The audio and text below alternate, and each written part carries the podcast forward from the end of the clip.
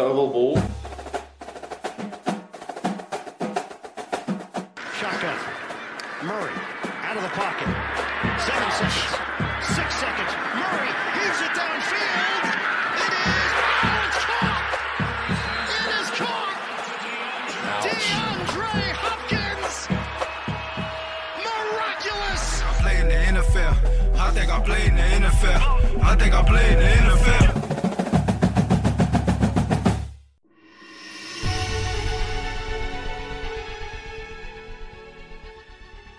Hjertelig velkommen til Oval ball. I vårt digitale studio i dag sitter de tre gamle kjære. Reier, Kenneth, Stian. Hei på dere. Hei. Hallo, hallo. Regular season er ferdig, og vi skal oppsummere et helt fantastisk kaos som ikke kunne vært skrevet av en av de mest syke Hollywood-filmene noen gang. Og i tillegg så skal vi ha en meget fantastisk legende av en gjest. Vi skal se litt på playoffen, vi skal kanskje ta noen kåringer, vi skal kose oss. Men aller først, jeg lar snappen gå. Football til folket. Football til folket. Football til folket.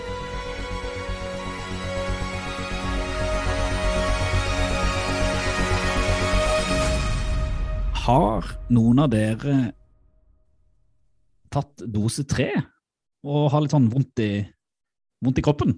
Det, det er ikke meg. Er det det, Kenneth? Ikke meg. Nei. Du, Stian? Meg? det kan være. Det kan være. Eh, tok dose tre i går. Det tenkte jeg skulle være grei skuring, for det var eh, reagerte ikke nå på de forrige vaksinene, én og to. Um, trente i går kveld, ettermiddag. Mm, våkne en dag tidlig og kjentes ut som jeg var liksom 83 år. Hadde vondt i kroppen og tenkte nå strakk jeg et eller annet eller gjorde noe feil, eller rett og slett begynner å bli gammel. Kan du ha følt deg litt sånn som Chris Boswell følte seg når han ble sånn hockeytakla ut av banen når de skulle ha en sånn fake punter eller fake kick for en måned eller to siden for Steelers? Da han lå litt som og kravla litt på, på banen der og var ute resten av kampen. Litt sånn. Akkurat sånn, tror jeg. Akkurat. sånn. Eh, nei, altså det, det er veldig rart. Så plutselig sånn superinfluensa har man fått da. Feber og gikk på jobb. Eh, gikk hjem fra jobb. Sov. Sto opp til pod. Nå. Deilig, da. Ja, fint liv. Ja. Eh, Og du, Kenneth, Hvordan går dagene i norsk eh, fjørfrelag etter vi eh, avslørte hemmeligheten for hvordan du kom inn i NFL forrige uke? Har det kommet noen nyheter? Hva skjer i fjørfreverden? Ja, Altså, jeg har jo? Jeg, ble, jeg, altså, jeg meldte oss jo på um, nyhetsbrevet til nfl.no. I mitt navn. I Stian sitt navn eh, og kontakt at ovalballpod sin mailadresse, som jo jeg ikke har tilgang til. Så det er jo dere som på en måte må oppdatere meg på hvordan det går med fjørfegjengen der ute. Altså, det, det kan jeg bare si. si altså, det er første gang hvor jeg har meldt meg på et nyhetsbrev med en mail, hvor jeg får en mail fra hun som er redaktør på nettsida og spør du, er dere helt sikre på at dere har lyst til å få nyhetsbrevet, for dette her dreier seg om fjørfe. Så jeg bare ja, ja, selvfølgelig. Så Du sa, eh, du sa bare ja, liksom? Du, Ja, ja. du forklarte ikke noe? Nei, det er bra. Nei, nei. Minner om at det snart er klart for uh, Fjørfedagene 2022. Mm. Det er reklame, reklame i nyhetsbrevet nå. Hvordan er det, korresponderer det med Superbowl og playoff og sånn? Ser ikke noe dato. Har vi slått det sammen? men, eh, Off- Offseason. Off-season. så NFL.no overraskende, off-season. overraskende besøk og foredragsholdere som, som kommer. Aslak Sira Myhre, Bent Høie Oi. Oi, eh, for eksempel, snakker på fjørfedagene. Det er stort. det er stort. Uh, Så kan, står det en oppskrift her på hvordan du kan lage kunstig eggehvite med hjelp av sopp. Hvis du vil det. Eh, og så er det selvfølgelig mye sutring på mye sutring på dyre strømpriser og dårlig kompensasjon som følge av ikke av covid. Jeg syns eh, det var på en måte den eh, fjærkre nyheten eh, denne gangen. Nå uh, syns jeg vi må eh, hoppe videre, for vi, har, vi har ganske mye som vi skal Apropos nyheter, siden Ja. vi, du nevnte det. Så dere Dagsrevyen på søndag? oh, Ja, Nydelig. Lars Os hadde vært i Green Bay. Det er jo den ultimate football til folket. Følte det var en slags omarsj til, eh, til taglinen vår. Når du kommer på det Hva blir det, da? Det folkeste programmet på TV, på en måte. Dagsrevyen, liksom. Folkeligste er Norge Rundt. Jo, men ikke folkeligste. Det folkeste. Altså Folkeste. Ja. det folkeste måte- Folkeste, Det er er det det, mest, det, er det, det som mest folk får med seg, på en måte. Altså, det er tips til folket der ute å sjekke ut Dagsrevyen fra uh, søndag. Det var vel en fem-seks, nesten ti minutters reportasje fra Green. Bay. Ja. Ja. Kjempereportasje om fansen og historien og alt ordentlig fotball til folket i Dagsrevyånd på NRK. Det, Mm. det er bra at folk blir inspirert av det vi driver på med her. Favoritten til Superbowl. Oh yes. Eh, og vi har så mye å prate om at jeg syns vi bare skal ta en pause, hoppe videre og ta imot vår eh, gjest. Ovalball. Fotball til folket. Vi ønsker velkommen til mannen som kom på oval ball sin radar da han blanda inn Manning-brødrene i en tweet om langrenn. Han er internt i oval ball kjent som en Twitter-legende med enestående humor. Han har opplevd buttfumble live, og dermed kjenner han sin NFL ganske godt, regner vi med. Internt i oval ball er han òg kjent som Biltemamannen, og ikke minst en av de få i Norge som i virkeligheten er blitt fridd til på åpent kamera, så vidt vi forstår. Det er en stor, stor glede å ønske velkommen til Mats Gudim Burheim. Velkommen til Oval ball. Tusen takk. Det var jo det var litt av en intro. Nei, det er hyggelig at eh, det var mulig å komme på å snakke om noe annet enn eh, biltema og frieri. sånn. Ja, men jeg må jo fordi at det er det eneste som ikke er NFL-referanse, vi må bare få det ut av veien. Men det er jo sånn, når man er eh, Det er jo kanskje problemet med Google og sånn, at når man da googler navnet ditt og skal prøve litt å finne, finne ut uh, hva du har gjort, gjort i livet, så er det to ting som da dukker opp veldig fort. og Det er en Biltema-reklame, hvor du løper rundt og leker med veldig mange spennende ting. Og kanskje det er enda mer spennende, en, liksom en del saker om at du rett og slett er blitt fridd til på åpen kamera. Og akkurat det må jeg jo bare få lov å spørre om først, for her er vi tre familiefedre som eh, alle i mer eller mindre grad har vært gjennom noe, noe lignende. Men hvor, hvordan, var, altså, hvordan var det at dette her blir sånn, blitt offentlig kjent i tillegg? Greia er jo at eh, jeg jobba jo som journalist i mange år eh, før jeg liksom, gikk over til det kommersielle da, og begynte å jobbe med reklame. Så Biltema-delen er jo reklamekarrieren min. Eh, og så i samme tid så fant eh, da min nåværende kone på det frieriet. Det er mange som tror at jeg eh, satte det i scene i forbindelse med liksom, reklamejobben. Men sånn var det ikke i det hele tatt. Jeg ante ingenting om det greiene der. Så um, den videoen uh, er 100% ekte. Og alle reaksjonene du ser, det er liksom Det er ekte reaksjoner. Og ikke minst, og det, det kommer sikkert komme fram hvis jeg prøver å bli statsminister eller noe uh, Jeg hadde Hun var mic'd up i en og en halv time før selve frieriet, mens vi gikk rundt bak i bygget der. Eh, og var på, var på uh, puber og skravla. Og jeg, ja, kjeften min gikk jo som den pleier, liksom. Så i et, i et eller hvelv så ligger det i hvert fall eh, 50 minutter med free range mat som uh, jeg håper ikke når overflaten noen gang. Men uh, det var hyggelig å bli fridd til, da, det må jeg si. Så gifta vi oss nå i høst. Gratulerer. Det er jo bare å anbefale alle, alle, alle, der ute som ikke har sett dette her, å, google og se, for det er jo, det er jo et fint øyeblikk òg, altså. Det er Det bare- kommer da på Google, altså. Jeg visste ikke at navnet Ja. mitt eh, Ja, det gjør det. Ja, ja, ja. Du, hvis, hvis man har litt, litt, litt sånne ting i fingrene, så, så finner man det ut. Så det, det, det er kanskje ikke noe man skal spre ut, da, men jeg tenker iallfall det, det er en artig, Jo, det er artig greie. Det er hyggelig, det. Eh, Men, men grunnen til at vi inviterte her i dag, det er jo at vi har fått no, noen nyss. Eh, noen av oss har jo fulgt deg lenge på, på Twitter og er meget eh, happy for eh, humoren. Det er jo ikke, kanskje ikke alle som, som tar den, men du har en meget eh, kan man si, Jeg kan ikke si en Hva artig betyr det? Ikke, ta, ikke Thailand, hva betyr det? Eh, Nei, altså, det, jeg, synes, det, jeg føler meg ikke alltid så smart, så det, av og til så sitter jeg og leser tweetsene dine og tenker her greier jeg ikke ta humoren. Men Kenneth han pleier alltid å sende, han har sendt meg en link og sånn dette her var dritmorsomt. Men så har vi kommet over da at du har egentlig en ganske sterk NFL-interesse. Ja. Og så lurte vi jo da litt på det, noe av det første vi pleier å spørre leserne over, hvor, hvor kommer den fra? Eh, Nei, altså den, Den korte eller middels lange historien er egentlig at jeg hadde en veldig god kompis som uh, jobba i DNB, som fikk jobb i New York.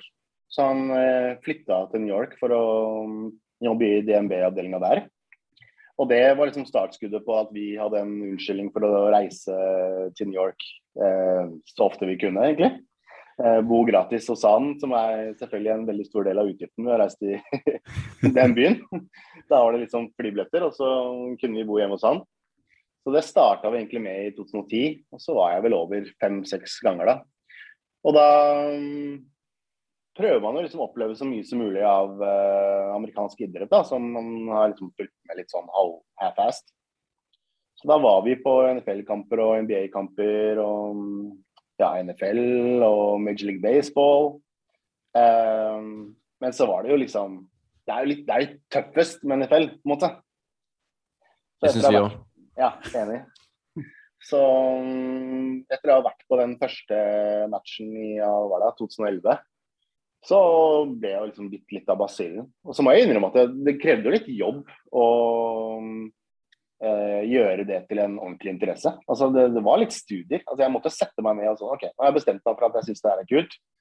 Så må jeg se kamper, eh, jeg må lese meg opp på reglene, jeg må kjøpe Madden. Jeg må liksom Det, det jo en innsats. Det er liksom ikke Du får det ikke servert på sølvfat. Så det starta vel egentlig der. Og så et par år senere så starta vi en fantasyliga, og det er jo en sånn Det er i hvert fall crash course i uh, å lære seg navn og uh, ja, spillere, og egentlig en sånn gratisbrett til å følge med litt ekstra, da. Så nei, det er egentlig sånn det skjedde. For, for du sitter jo nå i en NFL-drakt, og kan ikke lytterne se det, da, men kan ikke du, er, er dette her òg da eh, favorittlaget ditt og en tidligere favorittspiller, eller hva, hva er bakgrunnen for den drakta du har på deg? Nei, nå har jeg Eagles eh, nummer sju, eh, Ja. Eh, eh, og det er, den kjøpte jeg faktisk i Berlin eh, i fjor. Eh, og det er jo kanskje litt av greia med NFL-interessen nå. at Det er litt sånn eh, Det er jo også et slags sånn eh, litt ironisk distanse til alle de syke historiene som dukker opp. Eh, som jeg også syns er kanskje det morsomste ved det. da. Eh, men eh, vi, jo, vi er jo Jets-fans, vi som eh, var over hos han kompisen eh, fra starten. Så mm, ja, vi lider jo med alle New York-fans om dagen, sånn sett. Jeg har nesten litt, nesten litt vondt av det. Jeg vet at uh, Stian har jo introdusert Jets for, uh, for sine barn, så det er vel et, en av dine sønner Stian, som har bestemt seg for å bli Jets-fan. og Det er jo kanskje ikke sånn uh, det er ikke sånn gøy for, kanskje for fremtida, men Han har jo på en måte ikke bestemt det sjøl, for etter at, etter at vi var i London, Kenneth og jeg, så det var liksom Falcons og Jets, da, så ble det jo T-skjorte og lue til hver av de, hvert sitt lag. Så jeg vet ikke om Jets og Falcons de er vel relativt sidestilt, eh, sånn som det har vært nå. Falcons Jets, lite det er- hakk bedre. Jets er det er ganske stygge drakter. da. Så sånn, tenker, hvis barn skal velge, så er det jo litt overraskende at de velger det. Ja, Men jeg syns. Jetsdrakter er ganske kule, fordi, bare fordi det står New York på dem. Ja, På tvers der. Og det er, sånn der, det er så lite emblemer og på en måte Jeg vet ikke. Synliggjøring av hva slags la, eh, på en måte lag det egentlig er på drakten. Men, eh, men jeg også syns jo Jets er jo et ganske mye kulere lag enn Falcons, egentlig. Så jeg, jeg syns jo egentlig at uh, den sønnen som fikk Jets, vant det, da, av de to til Stian. Han gjorde det på en måte. Han, eh, Falcons, eh, han som fikk Falcons-opplegget, han, han har egentlig valgt sjøl. Han har sittet og sett litt på Red Zone med meg nå i år. I starten, fram og legge seg på søndag. Og han har endt opp med Bills, da. Det er det han ønsker seg Ja, ja. nå. er Buffalo ja, ja. Bills-drakt. Det er ikke så verst nå, det, da. Nei, det er ikke så, så dumt.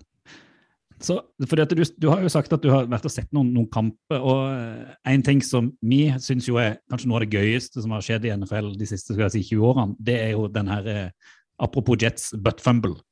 ja. Og ryktene sier jo at du har sett dette, du så denne live. Ja, ja. Det, det er jo hva skal jeg si, det er claim to fame. At eh, vi var der på Thanksgiving når Jets ble ydmyket på det groveste av Patriots. Eh, så da satt vi faktisk bak hva skal jeg si, bak button, på en måte. på kortsida. Eh, og det var så kaldt. Eh, og det var jo liksom i Mark Sanchez eh, quarterback-tid. Så eh, det var jo på en måte en Eller introduksjon i hvor ille det kunne bli med Jets, på en måte. Fordi før det så har jo Jets egentlig vært, der, om ikke liksom eh, katastrofalt dårlig, så har de, de har jo liksom meldt seg på i playoff picture og litt sånn Første kampen jeg så, var jo året før. Eh, og da slo de Chargers eh, i Meadowlands. Plaxico Burris eh, skåret tre touchdowns, dette sjekka jeg i stad. Husker dere han, eller? Nei. Nei. Nei. Han har jeg kjent bl.a. for at han eh, skjøt seg selv i beinet på en nattklubb i, i New York. For da hadde, hadde med seg pistol inn på nattklubben, og så begynte han å gli ned beinet. og Så skulle han liksom rekke etter den pistolen, og så dro han i trigger, og så skjøt han seg selv i beinet. Så det er liksom, De to draktene har jeg, da. Blackstock Burris og så har jeg Jeremy Curley, som også er Jets. da. Var ikke pistol nå? Nei, dessverre. Nei, men uh, butt fumble, det var vel uh, Altså der og da, så da skjønte ikke jeg nok til å vite at det var liksom et sånt legendarisk øyeblikk. Eh, for da ble liksom bare Jets pissa på, egentlig. Eh, så vi gikk jo før det var ferdig, og ja, eh, det var kaldt og vi skulle gjøre andre ting. Men sånn i ettertid så er det ganske stilig å sette det live, da, i og med at det er Mm. liksom, kanskje det største memet, i hvert fall i New York football history de siste ti årene. Kanskje bortsett fra det som skjedde nå i helga med Giants og take a knee på andre og third down. Ja, Ja, ja quarterback-sniken og sånn. ja, Ja, det er helt, helt sykt. det er så krise i Giants at jeg hørte på et par podkaster som mente at det kanskje var enda mer ydmykende enn butt fumble, fordi det var bevisst. Ja. Butt fumble er på en måte et uhell, men eh, Det de dreiv med der, jeg, jeg trodde ikke mine egne øyne. Ja. Jeg så det på, på Red Zone og så tweetsa og kommentarene på det etterpå. Jeg skjønner ikke hva de dreiv med. Det var, liksom, det var eh, hva skal vi si, et, eh, en tydelig søknad om å miste jobben for headcoach der. da. Nei, gjorde ikke det, da. Nei, ikke ennå. Ikke ennå. Men det, det, det kommer kanskje, eh, vil man eh, tro.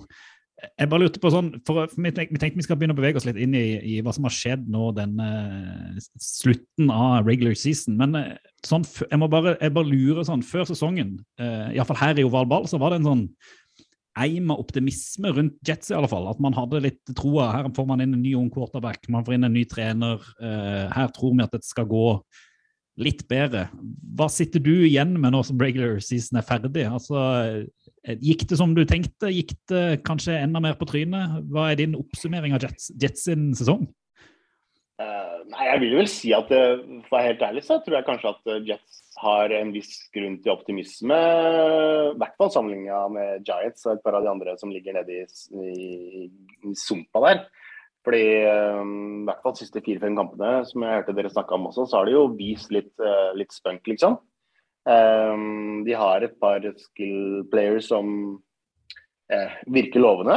Jeg tror Zack Wilson kan eh, potensielt. Han viser jo glimt at han har potensial. Og så eh, har de jo et par gode picks i neste års draft pga. der Jamal Adams-greiene.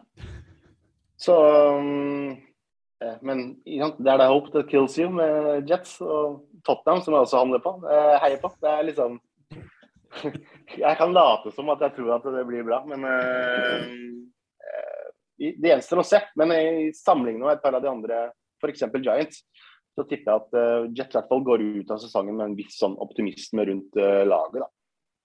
Kanskje litt mer talent der også enn en flere av de andre. og, og Sånn som Wilson, for eksempel. Og Beckton Mm. spilte vel ikke nå i år. og så jeg vet ikke. jeg, så de jo- Michael, Michael Carter på running back. Det er liksom mm. Det fins noe Det fins i hvert fall et par lyspunkter, da. Mm. Pluss at de har jo Virker det som, selv om det har gått uh, en del ned og litt opp i år, så har de jo en coaching staff som på en måte virker å være litt mer på plass enn i Giants, da, hvor det, Mm. de sparka OC midt i sesongen. og og Giants har, nei, Jets har jo liksom han lillebror LeFleur og Sala som kjenner hverandre fra før. og det, det, virker liksom, det virker jo bedre der, altså sånn at, det, at det skal være bedre. Jeg hørte jo også at, at uh, han Wilson har vel ikke kasta en interception de siste fem kampene.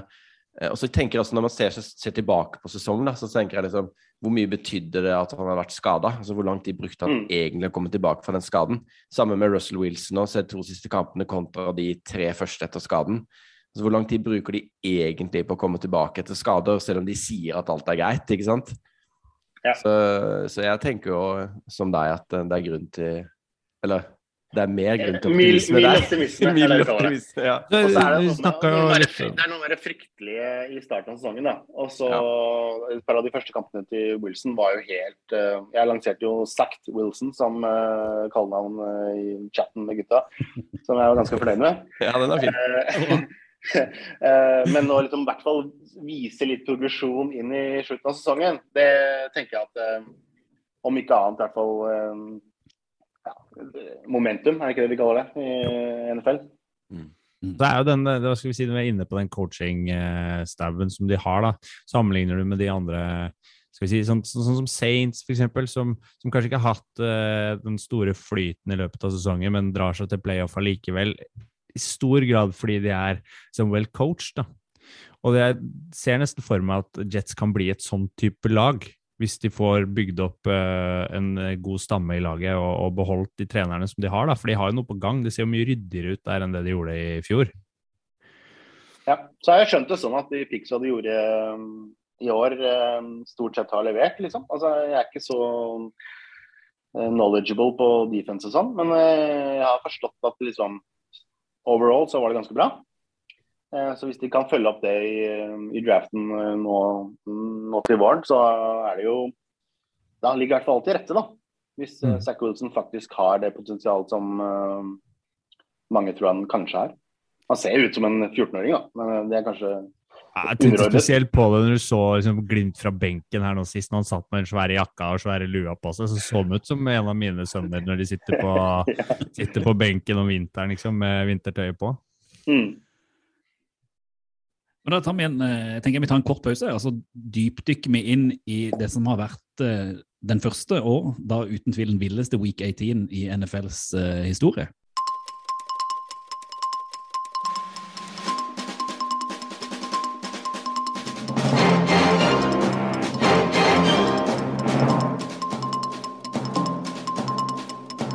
Gud bedre for en avslutning på NFL-sesongen. Jeg syns vi har ganske heldig med å starte opp en pod når man får kanskje noe av det sykeste både av kamp og avslutning, som i hvert fall jeg kan huske de årene jeg har fulgt eh, NFL. Og vi skal prate mye om det kaoset som utspant seg fra tidlig søndagskamp og fram til kanskje den eh, sykeste Sunday Night Football som har vært spilt, iallfall i ja, nesten i manns minne, må jeg nesten si.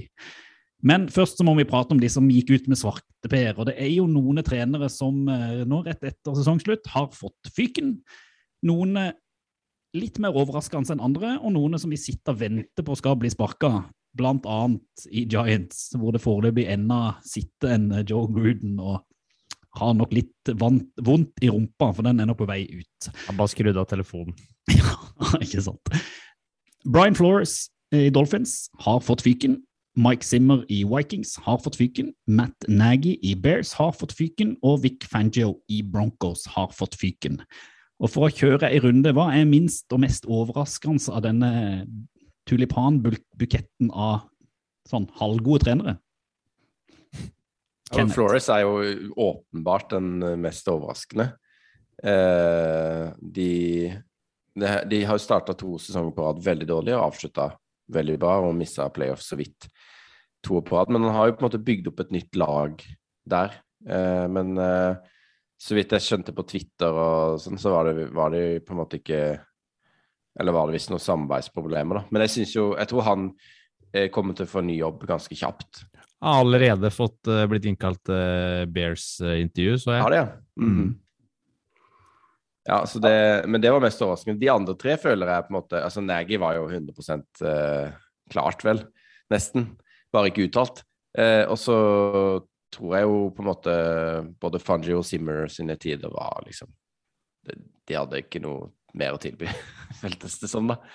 Men begge de to siste der er jo sånne defensive coordinator, genius eh, folk, da. Så om ikke de får headcoaching-tilbud med nå, så får de nok i hvert fall koordinatortilbud. Tenker du, Mats, er det, er det noen av de som er overraskende for deg, eller?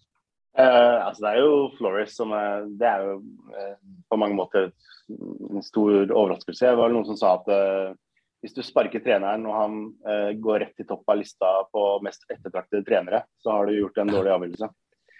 Så um, det som dere er inne på, det må ha vært et eller annet internt kommunikasjonstrøbbel som ligger bak. fordi ja, nå husker jeg ikke det nøyaktig, men det var noe med at det, disse to sesongene under han har vært de første to winning seasons på så og så lenge. Og ja, når eh, Joe Judge sitter trygt, så Ja. eh, er kontrasten ganske enorm. Da. Ja, jeg leste også at det er, det er flere, som, flere lag som egentlig sitter godt i det, sånn headcoach-messig, som vurderer å, å ansette Flores. Så det sier litt om hvor, eh, hvor sterkt navn han har i, i ligaen. Jeg hørte på en sånn New York Sport-podkast i dag, og de var bare sånn Hvis vi hadde visst at Flores var uh, tilgjengelig, så hadde vi tatt han på flekken over Joe Judge, liksom, Mm. i Giants. Så ja, nei, det er veldig spesielt. Og han er jo en av de få som kom ut av Bill Belichick sine assistenter som faktisk har lykkes, da, om man kan si det sånn. Eh, og har jo hatt et veldig sånn sterkt navn, eh, virker det som, da, rundt om i ligaen. Og, og som dere sier, da, kommer rett opp på intervju allerede nå. Eh, så så er det, er det merkelig, da. Ja, Man kan jo si ja, Nei, fortsett du. Jeg skulle bytte, bytte tema egentlig til, til Broncos-laget, for jeg satt og så på Chiefs og, og Broncos på, på lørdag kveld. Og du ser liksom der at han så litt sånn hjelpeløs ut på, på siden uh, Fangio òg. Det var nesten som han visste at eh, han var ferdig. Uh, og han har ikke fått løst det quarterback-problemet nå på et par sesonger. Og har jo egentlig et lag som på papiret ser rimelig bra ut, da.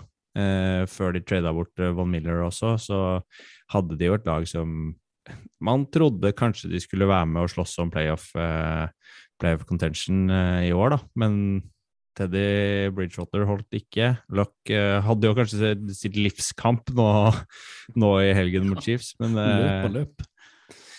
men det så liksom hjelpeløs ut, da. Så jeg er liksom spent på hva Broncos finner på. For de har et lag med ganske godt potensial, godt forsvar og god receiver eh, core, så jeg vet ikke. Men tror dere den Aaron Rodgers-linken lever også et halvt år etterpå, eller er det Nei. dead? Jeg, Jeg tror tror er dead, altså. ser, ser bound til å være i Packers. Det kan virke litt sånn. Det spørs jo hvor fornøyd han blir. Hvis de vinner Superbowl, så kanskje han tenker at ah, det er en perfekt måte å gi seg på, så det er kanskje verdt å gjøre noe annet. Ja, altså, Altså, måtte, han legger opp? Jeg blir Jeopardy-programleder eller noe. Jeg tipper han tar en sesong til. Eller. Men det er mulig han bytter til et varmere, litt varmere sted. Jeg tenker at tenker jo- det, det går den veien. Han skal til Florida eller uh, Tampa eller noe sånt. da. Ta over for Brady eller sole seg litt. Ikke Ja, hvis- være på tundraen i Green Bay. Men eh, for å hoppe litt videre fra, fra trenere, så må vi jo, før, før vi går midt inn i playoffet, så er det jo også sånn at eh, vårens vakreste eventyr, draften, nå har begynt å eh, manifestere seg. Vi kan bruke litt Jesus-referanse når man er fra Sørlandet. Eh, og de 18 første lagene eh, i den draftordren nå er låst. Og tro det eller ei, eh, som en overgang til kanskje den mest overraskende kampen i, i hele week 18, det at Jacksonville Jaguars total knuste Indianapolis Colst, Men allikevel så sitter de og i år igjen med førstevalget i draften fordi at Detroit Lions greide jo å vinne mot Packers, mot et da selvfølgelig reserveprega Packers. Men jeg må jo si at eh, lite grann eh, overraska over at det var Jacksonville som stakk av med den, sånn som eh, oppsettet så ut. Det må jeg jo si. Men eh, den kampen mot Colts er for meg kanskje den største overraskelsen sånn kampmessig i den runden som gikk. For det var, det var ikke bare sånn at de vant med et heldig play. De hadde, jeg følte de hadde fullstendig kontroll på et Colts og med en Carson Wentz som så ut som om han ennå leda covid. Altså, det var helt ute. Var, altså, jeg syns ikke det er feil å si at det kanskje var sesongens skrell heller. Så, sånn som det her har forløpt, at Colts har sett kjempesolide ut, vært eh, laget med kanskje best eh, løperekke, og Jonto Taylor i storform, og Wentz har på en måte blitt begrensa, og Reika hindra han i å kaste for mye, sånn at han ikke skulle kaste bort ballen, sånn som han gjorde på, på søndag. Eh, og isteden da så går altså Trevor Lawrence går jo inn og gjør sesongens beste match. Eh, gjør akkurat det han skal. Eh, blir jo tatt fra ballen litt grann i andre omgang. Eller, eh, og de går over til mer løpespill, men når det trengs i litt sånn avgjørende øyeblikk, så stepper han opp og både løper og kaster ballen dit den skal, og, og ser jo ut som en million, mens Carlsen Wentz ser ut som han er, eh, som du sa, Reier, eh, sjuk. Ser ut som Carlsen Wentz, er det ikke sånn? Mm. Ja. Ja, han Nei, er jo, vi tvitra jo ut der at han er jo kanskje Colts, eh, eller eh, Colts dødere nummer én her i eh, sånn som det så ut. For det skulle jo være mulig å sikre playoff med, med å slå Jaguars, sånn som de har sett ut den sesongen. Jeg så Andrew Luck dukka opp på den college-kampen vi snakka om i sted. Altså, det laget hadde gått videre med han som quarterback. det er jeg ganske sikker på. Kanskje ikke i den formen han er i nå, for han så veldig skral ut. Men eh, så så tynn ut. ja, han slutta å trene og diverse, kanskje. Men eh, apropos Jaguars, da. Hvis eh, Jets eh, har en liten opptur inn i neste sesong, så er jo den siste kampen til Trevor Lawrence i hvert fall et lyspunkt i en ganske mørk sesong for dem. Uh, nå er de kvitt uh, Urban Meyer, og som det, dere sier, det er liksom, de har skill eh, players som kan levere. og så Hvis Trevor Lawrence er like god som han var i den matchen, så er det kanskje håp allikevel. Og first pick og alt. Man sitter og venta litt på at han skulle slå ut uh, i litt blomst, iallfall. Og sett Mm. kanskje noen kast her og der, litt sånn sporadisk i noen matcher, men, men nå på søndag så var han virkelig god og rettferdiggjorde første runde og første valg han eh, ble satt til i, i forrige draft. Mm. Det er godt å ta med seg videre som du sier, inn til, til offseason og ha litt av den, den selvtilliten. Men det, vi må bare prate litt om Colts òg, for vi har prata, i alle fall undertegnede, har skrutt Colts litt opp i skyene og kanskje for ja, tre-fire runder siden sagt at de kanskje var the team to beat. Eh, Tok det som en selvfølge at de skulle til playoff. Eh, har kåra Jonathan Taylor som MVP, og nå sitter hele den franchisen Altså, hva skjer internt i Colts nå?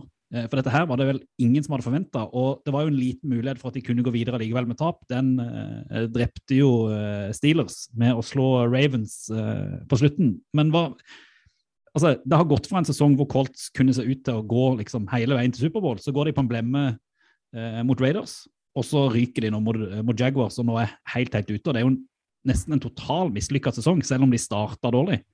Eh, hva skjer nå med, ja, med Wentz, med eh, med franchiset, tenker dere? Kenneth?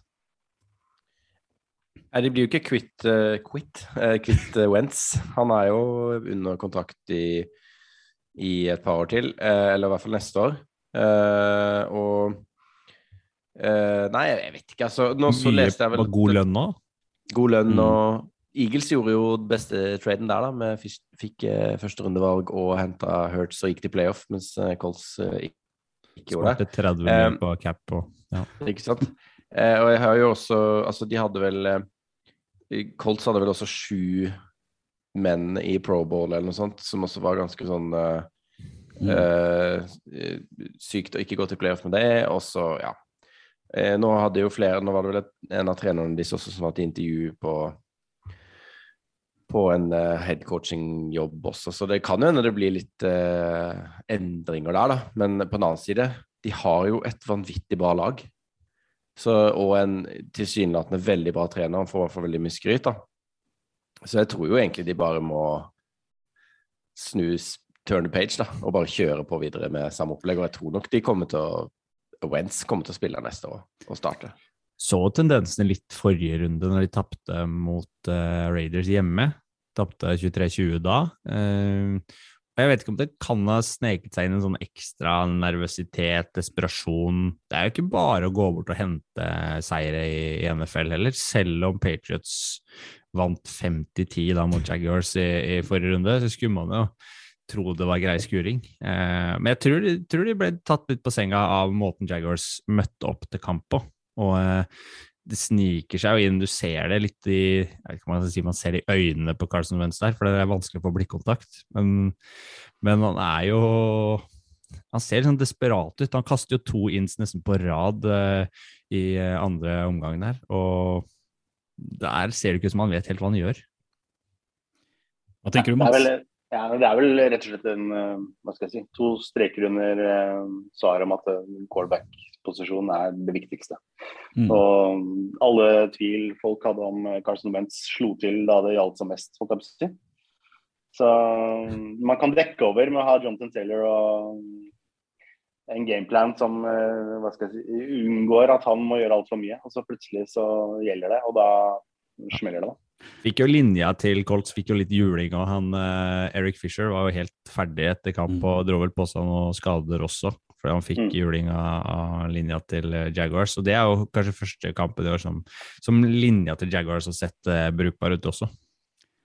Ja, det, og Colts er jo et lag som har ganske stolte quarterback-tradisjoner. med Apropos Manning-brødrene, Peyton Manning og Andrew Luck, og så kommer Wentz inn, og han når det jo ikke til knærne engang. Så jeg er helt enig at der må det, der må det nok skje noe, selv om han nok er der til neste år. Eh, for å gå litt videre. Steelers er i playoff. Jeg gjentar. Pittsburgh Steelers. Ben Roethlisberger har jammen meg greid å dra seg til playoff i år igjen. Altså, Jacksonville, eh, hele det, de starta jo et helt ras av eh, ting som skjedde, på en måte. Ja. For da plutselig, når Jacksonville vant, det må vi si, så åpna det seg opp masse muligheter for en del Absolutt. andre lag. Blant annet da vinneren av Steelers Ravens lå godt an til å kunne greie å gå seg videre til playoff. Og der greide Steelers med et eh, spark på slutten å vinne den kampen. Og greide jammen med å komme seg videre til, til playoff. Og kanskje vi bare skal hoppe videre, fordi at det som da var eneste mulighet for at de ikke skulle komme seg til playoff, det var den sykeste Sunday Night Football noen gang. Hvis Chargers og Raiders spilte uavgjort, så ville begge gå videre, og Steelers være ute. Jeg prøvde å tippe på Norsk Tipping uavgjort, fikk ikke lov. Våkna opp klokka halv seks eh, mandag morgen med en sønn som var våken. Kampen foregikk ennå. Den gikk og spilte jeg tror det var fem og en halv time. den foregikk. Da var det uavgjort, og det var tre minutter igjen. Og jeg tenkte dette her, dette, dette, kan, dette kan da ikke skje. Dette kan da ikke skje. Og så endte det da til slutt med at eh, Chargers tok en timeout. Fyrte opp litt eh, på benken til Raiders, som da eh, greide, på, greide å få et par runs, og fikk da sparka inn tre poeng på slutten og to den seieren. Og jeg tror vi ba, jeg må bare sånn Det fjerde quarteret i den kampen er det sykeste fjerde quarteret jeg noen gang har sett i en NFL-kamp, tror jeg. Noen gang. Eh, for alle som ikke har sett det, så er det nesten bare sånn å gå på GamePass eller gå inn på YouTube og bare se. For det Jeg, jeg har liksom ikke ord for hvor sykt den kampen var. Eh, hva, hva, hva tenker dere? Sånn bare, så, altså Rett og slett bare sånn kjærlighet til spillet. Mats, eh, jeg vet ikke om du, om du fikk sett, sett høydepunktet eller bare hørt om kampen, eller Nei, jeg, jeg så jo ikke live. eh, men som sagt så har jeg jo den eh, chatten med tre amerikanere, som, altså Fantasy-ligaen. Eh, og det var jo 25 meldinger minst som bare lå klare. Og at det var det sykeste de hadde sett. Var den ideen Det er litt morsomt at det, det var mye referanser til det derre 'disgrace of Hihon' i vanlig, vanlig fotball, i, mm. eh, i amerikanske Twitter-medier i hvert fall. Eh, og de, de, liksom, det var sånn Dette kan jo ikke skje. Og så skjer det ikke på den måten som de tenker seg at liksom den worst case scenario, at alle bare tar nis hele kvelden. Det skjer egentlig ved at begge prøver å vinne. Mm. Og så, eh, ja, så skjer den timeout-callen til, eh, til Chargers, som sannsynligvis alt jeg har sett av klipp. Og det er derfor det er kult å ha folk mic'd up. At eh, det endra egentlig gameplanen til Derek Carlico. Eh, nei, det er ganske utrolig at det kunne gå til det nivået, faktisk. Det kommer jo også frem sånn Han får mye tyn, uh, Staley, for den uh, timeout-callen. Uh, jeg vet ikke. Eh, man hører liksom fra begge sider, og han, han caller jo på liksom det han ser på banen. Jeg vet ikke hvor mye fokus han har bare på klokka der. For han bestemmer Mm. seg egentlig for å ta timeouten fordi han ser noe i oppsettet som ikke han liker. Han skal stoppe løpespillet til eh, Raiders. Og jeg syns ja, og, og han må jo gå for det hvis han, hvis han vil ha uavgjort eller vil ha ballen tilbake for å komme seg til playoff, så, så må han ta de valgene han mener er best. Da. Jeg vet ikke om han først skal ha så mye tyn for den timeouten. jeg. Men for å gå litt tilbake før overtimen fordi at Snakk om Herbert. Vi må prate litt om Herbert og et par drives på slutten. For det, vi skal ikke glemme at var det Par 29 drives. 29-14 det sto når det var fire-fem minutter igjen i Fort, Fort Porter. Ja, noe sånt. Eh, Og allikevel så greier da Chargers ikke bare én, men to ganger å drive opp banen. Og den siste driven hvor det er vel, er vel tre eller fire fourth and ten, én fourth and six som blir mislykka, men som de greier å redde seg inn på pga. et flagg, Mm. og da greier å få den uavgjorten jeg tror ikke du kunne lag, altså Hadde du lagd en Hollywood-film, så hadde det vært sånn Ja, ja, mm, sikkert. Det der, der eh, det henger ikke sammen. Uh, Kenneth, hva, hva satt du igjen med? Uh, nei, jeg satt jo igjen med Altså, at Herbert er kanskje en av de beste quarterbackene i ligaen. Punktum, da. Uh, og han har vanvittige pasninger og hele det derre Ja, som du sier, da. Så mange fourth downs som de klarer å kapitalisere på. I tillegg da til at de, de, får touchdown på slutten og, og på en måte hangler seg inn til, eh, til uavgjort. Men altså, det Nei. Han er helt fantastisk. Fantastisk spiller, da. Uh, og der burde jo Han burde jo vært i Miami, da. Det er jo det som, uh, som skal se på liksom hva Flores sa. Men nå er det jo ikke Flores som gjorde det, da. det var jo GM-en, da. Men de var sikkert enige om det, da. Uh, de tok jo Tua valget før, ikke sant. Og det er jo også litt sånn Det er jo noe av det som er så kult med den sporten her, da. Som du sa jo, Mats, i innledninga, at du, må, du måtte liksom eller man må jo på en måte Man må kanskje lese litt, og man må jobbe litt for å bli på en måte interessert og kjent med spillet, men når du først kommer inn i det, og du ser liksom hvor lite som skiller, da.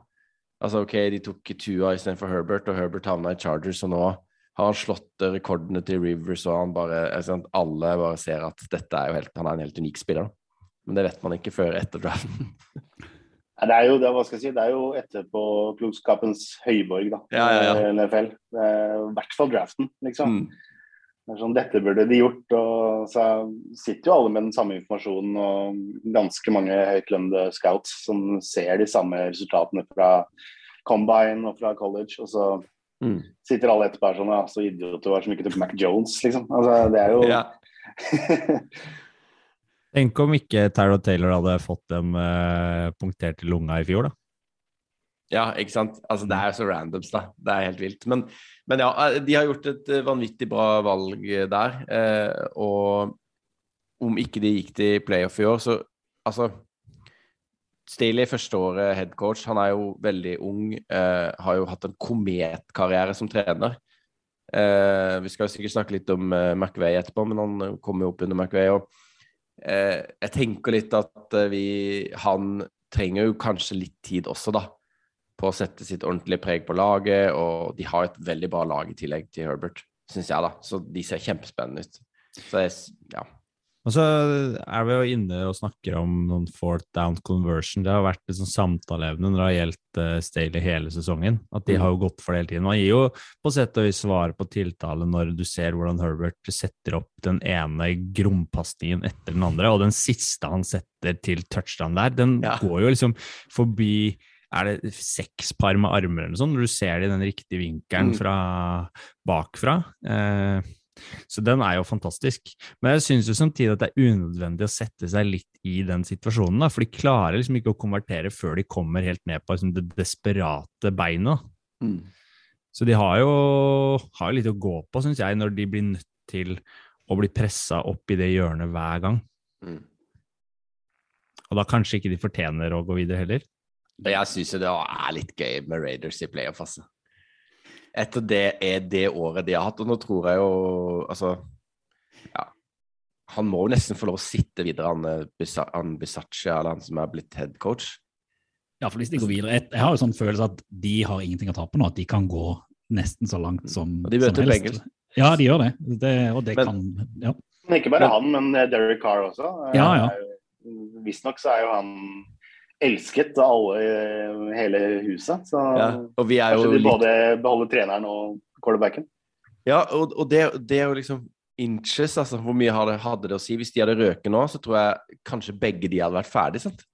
Da hadde de Mm. bare kanskje røska opp og så fått noe inn og nytt, og hadde du fått en ny headcoach da, ikke sikkert at Derek Carr hadde vært den personen som han hadde hatt lyst til å ha med seg videre, da.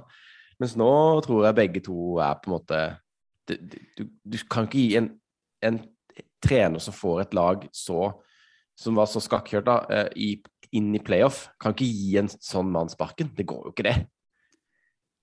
Men Vi elsker Derek Carr. Derek Carr har aldri starta en playoff-kamp, han. Har spilt 150 kamper. Aldri starta playoff. Ja, han var, han var skada det året de var så jækla gode. For noen år siden, Mm. sant det? Ja, ja. det er jo eh, spennende. Mot en annen som heller eh, skal møte Burrow, som heller aldri har satt en playoff-kamp. Mm. Så det er er Litt spennende, spennende matchup. mm. Ja. Vi må jo prate om, tror jeg, om jeg ikke har tatt feil, en annen quarterback som heller ikke har starta en playoff-kamp, eh, selv om han har vært i ligaen i mange mange, mange år. og Det er jo um, Stafford, som uh, tok sitt Rams og skulle bare slå 49ers uh, for å vinne divisjonen. Uh, nå var de heldige da med at Arizona Cardinals òg tapte. Stian, du fulgte jo litt ekstra med på 49ers og, og Rams. Det var òg sånn før den Sunday Night Football, så var det òg en ganske heftig batalje eh, som eh, vippa først den ene veien og så ganske kraftig den andre. Ja, helt uh, villskap, den kampen der òg. Jeg trodde liksom ikke det kunne bli sykere etter jeg hadde sett den ferdig. Jeg hadde litt sånn ambisjoner om å se Chargers uh, Raiders, sovna på sofaen etter, uh, etter 49ers-kampen.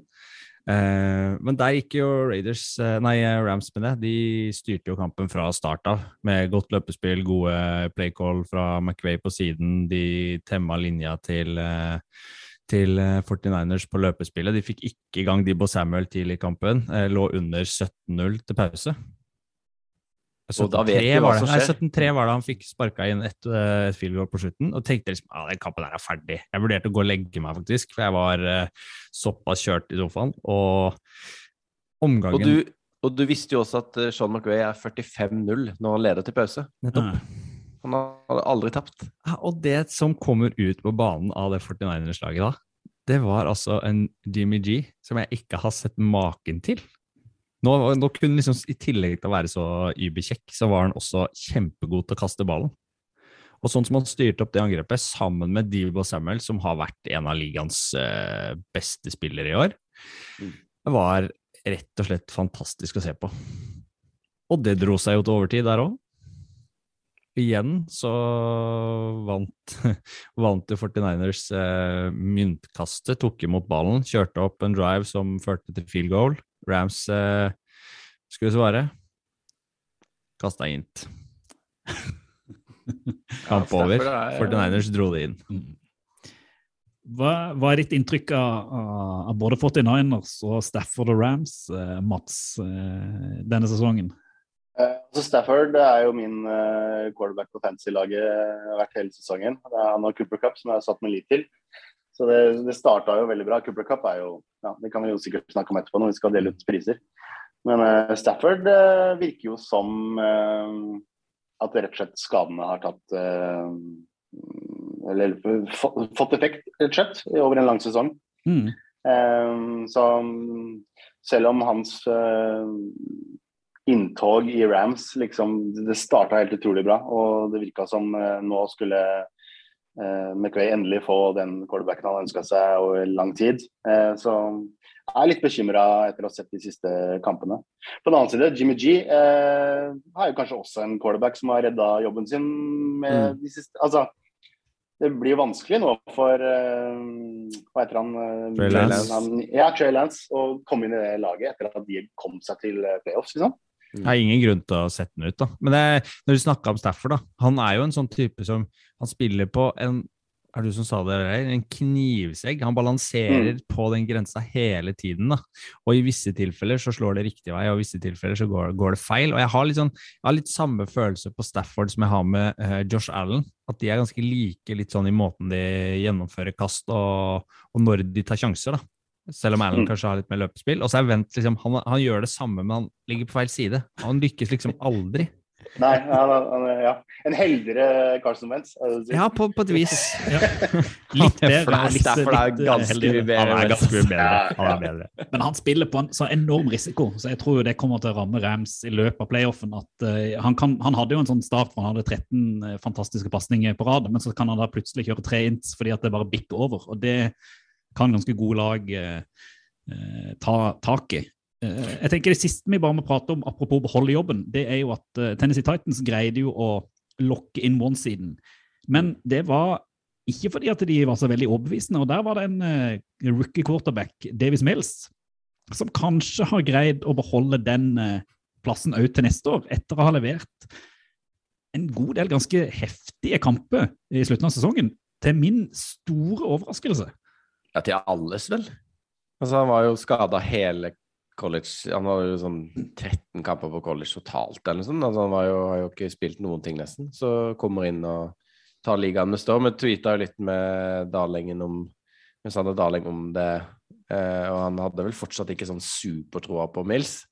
Eh, så det Men Eller var det Hedley, en av de i hvert fall, da. Eh, de college-gutta da, som ikke hadde så troa på han. Men, eh, men eh, jeg vet ikke, jeg tror nok han starter neste år. Det er jo ikke så veldig sånn quarterback-heftig draft, så spørs hva annet de kan få tak i, da. Eh, man vet jo Ja, som aldri er hvordan offseason forløper her, men jeg syns han leverte bra. Altså, de starta jo ganske dårlig, Texans. Det var jo liksom først i andre omgang der òg at de, de spilte seg inn på Titans og gjorde det litt nervøst for de da. Er det egentlig Tannehill som, som redder inn kampen for, for Texans og, og gjør et par play og kommer seg unna en sack og gjør litt sånn scrambling og, og, og slåss seg egentlig til noen first downs, som er kjempeviktig for dem, for at de beholder eh, momentum i matchen og, og, og drar inn seieren. Eh, Amendola for Texans så jo også vanvittig bra ut. Han hadde vel to eller tre touchdowns der på kort tid. Og... Det er en gammel Jetsman, er det ikke det? Har du han på fantasy? Ja, nei, han er jeg ikke. Men eh, i gamle dager ja, hadde han han var i Pats.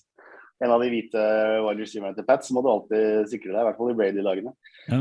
Men eh, ja, nei, Houston eh, de får jo sannsynligvis noe tilbake for Deshaun Watson uansett.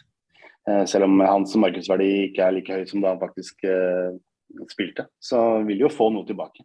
Så Houston er vel bedre stilt enn uh, bl.a. de New York-lagene vi nevnte i stad.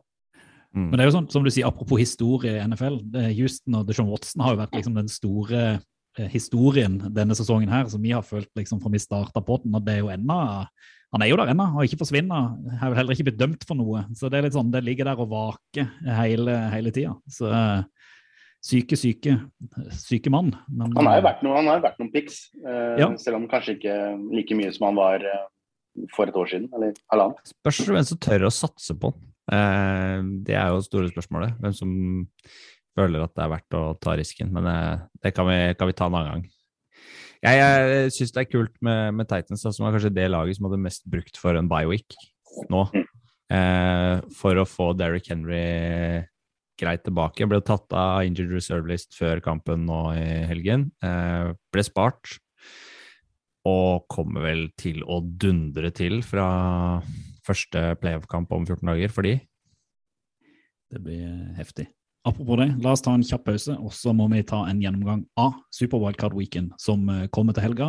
Hvem vi tror går videre, og hvem vi tror ryker på hodet og ræva ut. Nei, hva skal du se på? Rundens utvalgte. Den o store helga nærmer seg Super Wildcard Weekend med én ekstra kamp sammenligna med tidligere. Det er et av de største største høydepunktene, i alle fall i oval balls eh, karriere, ikke sant? eh, to lag skal ikke spille til helga. Det er fordi at de har uh, tatt one seed i henholdsvel, uh, henholdsvis AFC og NFC, og det er Tennessee Titans og Green Bay Packers, som får seg en hvileuke, kan sitte foran TV-en og se på uh, motstanderen. Og de skal da møte det laget i den divisjonen de er i, som har den høyeste siden. Så det er jo derfor ikke det er satt hvem de kommer til å møte i, i, eh, i sin kamp om to uker. Det avgjøres av de kampene som går til helga. Lørdag kveld 22.15 norsk tid starter første wildcard-kamp. Jeg syns det er en kjempespennende kamp. Det er jo ekte football til folketid. Her kan man sitte på lørdagskvelden, jekke seg i øl, finne fram litt Buffalo Wings og chips, og se Raiders mot Bengals. Og Mats, du eh, som er gjest, du skal få lov til å eh, komme med dine spådommer først. Hva tenker, du, hva tenker du om kampen? Hvem tror du går eh, seieren ut? Og har du noen tanker rundt eh, den settinga i første OL-kamp? Uh, nei, altså det, Den syns jeg er vanskelig. Altså, jeg tror jo Bengals sånn uh, på papiret er det beste laget. Joey B uh, har vist seg som eh, akkurat det fenomenet vi hadde håpet han skulle bli. Eh, så er det det der med momentum, da. Nå har Raiders akkurat uh, driti ut Chargers den uh, matchen. Og har liksom, det er, de har et eller annet ved seg. Uh, så det er um, det som er vanskelig med playoffs, at det er en match. Og da er det ikke alltid at kvaliteten vinner over magefølelsen og grit. Mm. Så nei, jeg syns det er vanskelig. Men jeg tror kanskje at Bengals tar det. De har så mye bra både på Mixon og T. Higgins og Jamal Chase. Det er liksom det, De er det beste laget, på en måte. Mm. Jeg er helt enig. Jeg, vi, er, jeg, vi er jo Reire, vi er jo veldig glad i Derek Carr. Og jeg syns han fortjener en playoff-kamp. Og jeg hadde ikke liksom hata å se Raiders videre heller. Men uh, Bengals på hjemmebane der tror litt de skal bli for sterke, rett og slett. da. Fordi de har rett og slett så sykt eh, gode spillere. Eh, så nei. Eh, men som du sier, Reier, dette er jo en ekte football til folket-kamp. eh, Som eh, kan også gi mange poeng. Det er jo Jeg tror det kan bli mye poeng i Mm. denne kampen her. Mm. Så det, jeg tror det kan bli en morsom, veldig morsom kamp å, å følge med på. Stian, hva tenker du? Mm, det er vanskelig å være uenig i argumentene som kommer her, da, for eh, Chase har jo storspilt eh, og vært en av ligaens attraksjoner. Virkelig gøy å se på han. eh, hver kamp han har spilt. Og man vil jo ha den type spillere videre, da. Selv om Raiders er jo et sånt jeg vet ikke, Det er litt sånn underdog-feeling på Mm. måten de går inn til kampen på. da. De har liksom ingenting å tape og kan liksom slåss på hver ball. og Det er liksom floskel kanskje å si, da, men, men de Jeg tror ikke du skal avskrive det helt, da, for de har eh, litt sånn litt sånn innstillinga til å kunne hamle opp med det Bengals-laget. da. Så har de bra, kanskje- vel, ja. bra pass rush, da. Ja, og at Bengals-laget kanskje, kanskje trenger et år til. Kanskje de må ha et år Ja. til for å perfeksjonere det angrepet litt. Grann. Jeg vet ikke. Nobody, det- The Nobody Believes in Us Team. Det er jo en uh, klassiker. Mm, Og så er det noe med det, det som jeg syns er mest fascinerende kanskje med NFL, at det, hva skal jeg si eh, Sample er så små, da. At uh, det er bare 18 kamper. Så i playoffs er det én kamp. mm, Så alt kan på en måte skje. Så alt av uh, statistikk og sånn mm, total uh, kvalitet har ikke så jævlig mye å si når det er den eh, ene kampen. Nei, jeg bare pælmer det ut. da. Det er liksom, Mm. Kampen lever sitt eget liv, og, og den Mm. kampen her er veldig avhengig av uh, at en, en, noen nøkkelspillere må levere for begge lag da, hvis, de, hvis de skal få det til. Og de må ha litt flaks med kanskje noen, eh, noen flagg, noen playcalls og noen sånne småtilfeldigheter også. Det er så jevnt i den ligaen at de, de lagene er på en måte ikke sånn ekstremt mye bedre eller dårligere enn hverandre. Et, et, Bengals vant vel oppgjør mot Raiders tror jeg, tidligere i sesongen, om jeg ikke tar helt, uh, helt feil. Uh, men jeg, det jeg er gøy det er jo litt sånn som du sier, Mats. Det er, de, det er to lag som har vært ganske underdogs mange mange år. og de Ingen av de som er vant til å være i den situasjonen. og Det eneste jeg tror kanskje kan felle Bengals, er rett og slett det at de er favoritt i en playoff-kamp. Det tror jeg ikke de hadde tenkt at de skulle være før sesongen. Uh, så jeg tror Raiders kan ta på seg den drakta som de er vant til å være, nobody believes in us team, mens at Bengals skal inn og forsvare noe kan være det som tipper det, tror jeg dessverre. Men jeg, som jeg har sagt tidligere, jeg håper på Bengals. Jeg frykter Raiders eh, og tror det blir kjempejevnt. Så den her må man benke seg foran TV-en på lørdag hvis man har lyst til å oppleve god NFL-fotball. Og hvis en har lyst til å sitte oppe lenge, sånn som Stian av og til gjør, natt til søndag, ti på halv tre, eh, meget god tid for eh, fotball. Hvis man kommer, nå, kanskje hvis skjenkinga åpner, så kan man gå på byen. Komme hjem fra byen med en taxi okay, med i hånda og sette seg ned og se New England Patriots mot Buffalo Bills. Som en kamp som allerede har gått to ganger denne sesongen og har vært meget underholdende. Eh, I alle fall for det taktiske spillet. Eh, Kenneth, eller det går først. Hva tenker du om, eh, om den? Nei, det er jo en, eh, en Altså, den er en helt åpen affære som eh, er også helt lukka på et vis. Det er akkurat som disse to lagene eksisterer i et sånt lite vakuum mellom seg selv. Eh, for de hater hverandre, og merka jo når Patriots vant den første kampen, hvor utrolig sure de, han McDermott var etter kampen, og alle bare var sykt Ja, det likte de ikke i det hele tatt. Og så fikk de jo sin hevn, da, og en ting som på en måte vi har snakka litt om i sendinga, er jo dette med momentum og sånn, da. Jeg føler jo at uh, Patriots ikke har så veldig av det på vei inn nå i playoffen. Eh, mens uh, Bills har kanskje litt mer, men de også har jo liksom halta seg litt inn på slutten av sesongen. da. Så dette er liksom coinflip for meg. Og, men hvis jeg skal legge pengene et sted, så er det jo på Patriots bare fordi at de har Bill Belichick. på en måte. Og det, det føles på en måte som om han har et eller annet kokt sammen eh, som de ikke har brukt ennå i sesongen, som de bare har spart til playoff. Eh, av play calls og ja, systemer og hvordan de skal spille. Dette er jo to lag, Mats, som du kjenner godt fra, fra divisjon til Jets. Eh, Ja. Begge pleier å knuse Jets Ja. eh, stort sett hele tida. Ikke sant? Eh, hvem tror slash håper du på skal gå av med, med seieren her? Jeg vet ikke hvordan, om det går an liksom, å gjøre det når man har de i samme divisjon. og Fins det noen som uh, følger med på NFL som håper på Patriots uh, noen gang, eller? Ja, det, er som, det er jo noen som heier på Patriots, tror det eller ei. Ja, jeg vet det. Jeg vet det. Jeg har en tidligere kollega blant annet, som pleier å sitte i Superbowl-studio på Viasat som uh, Patriots-fan. Ehm, nei, altså eh, Det jeg syns er fascinerende, er jo at den eh, første matchen som du var inne på, eh, hvor de bare ikke lot Mac Jones kaste i det hele tatt, og bare kjørte løpegamet, og Belichick virkelig viste liksom sin Darth Vader-kraft. Ja. Eh, som var liksom Det var et sånt eh, momentous occasion i, i, i, i årets sesong, da. Og så kom Bills tilbake med Josh Allen, kanskje sin beste match i år, for å være helt ærlig. Mm. Så er spørsmålet kan han repetere det i eh, en playoff-kamp nå? Eh, Hva har Belichick på lager? Kan Mac Jones lede et lag hvis han absolutt må eh, gjøre noe annet enn å kaste tre ganger? Mm. Eh, som, det er et spørsmål som vi ikke har noe klart svar på. Eh, nei, jeg heller nok mot at uh, Buffalo rett og slett er bedre. Så jeg tipper de. Mm. Det var forresten et av mine stolteste øyeblikk som pundit i eh, guttas-chatten. At jeg spådde at eh, Mac Jones ikke kom til å få kaste, og at eh, New England de kom til å gjøre det bra. Så mm, jeg hadde en veldig god spådom rundt hvor mange poeng som ble delt ut i den matchen. Mm. Det skal vi ta med oss. med inn i diskusjonen. Ja. Stian, dine spådommer?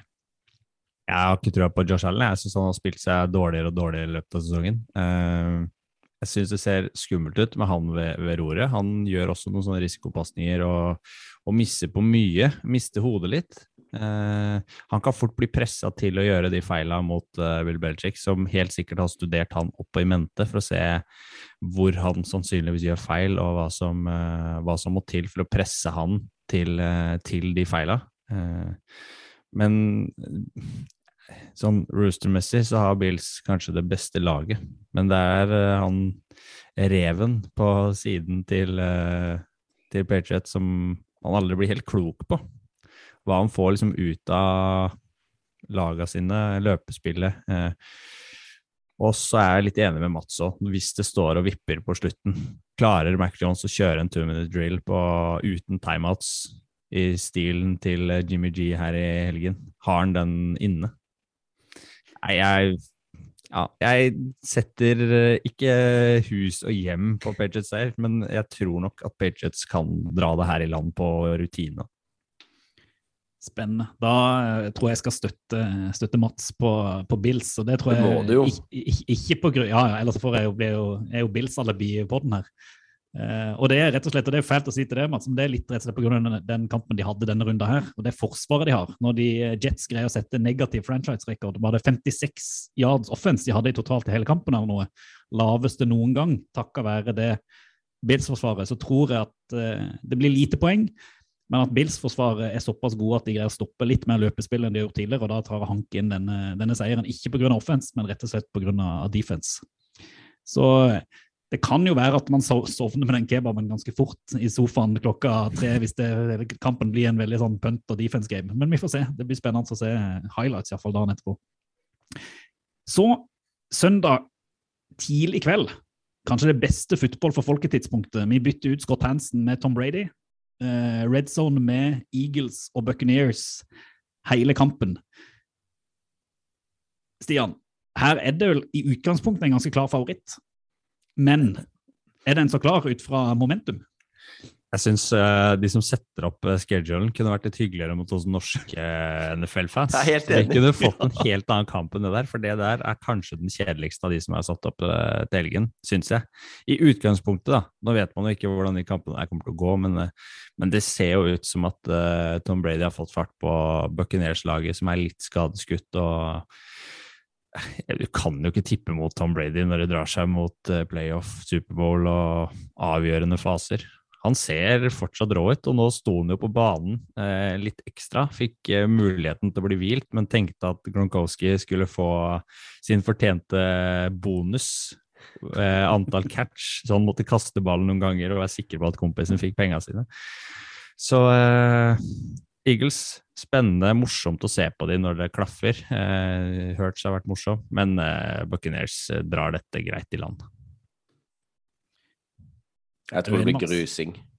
Du, du tror det, Kenneth? Ja, ja. Ja. Buccaneers hjemme har jo vært helt eh, Det var valsa over eh, lag.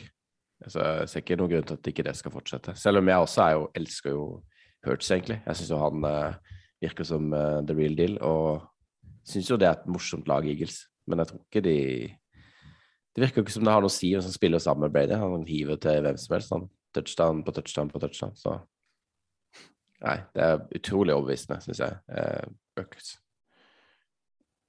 Brady satte vel også rekord på antall passing yards i karrieren i denne sesongen her. Det er så sykt. Og er så sykt. 5400 og et eller annet, tror jeg. Mm. Kaster du mye ball? Tror du, Mats? Brady? Ja, jeg er helt enig. Jeg tror um, Philadelphia ikke har så veldig mye å stille opp med. Det vår gamle Jets-venn Todd Bowles på defensive coordinator på Bucks der, som ja, Jalen Hurts er vel uh, relativt begrensa så lenge han uh, ikke får lov til å løpe. Og det tipper jeg Bucks har en helt soleklar plan for. Og da bør det egentlig være easy match, selv om eh, Tampa Bay mangler gærningen AB og Chris Godwin og diverse. Ja. Det, det viser seg igjen og igjen at de, de finner jo fram til noe. Så spørs det om de holder helt eh, inn eh, i Superbowl og sånt. Men akkurat dette her tror jeg de hindrer. Tror jeg de hopper lett over. Jeg tror Eagles er godt fornøyd med å ha kommet seg til playoff, bare. Det var en god prestasjon.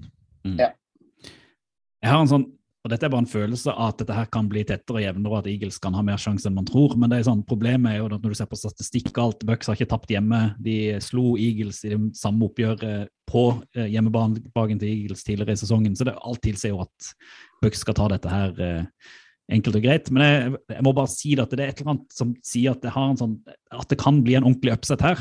Eh, jeg vet ikke hvorfor, men selvfølgelig skulle jeg tippa noen penger, så går jo de på, på Bucks.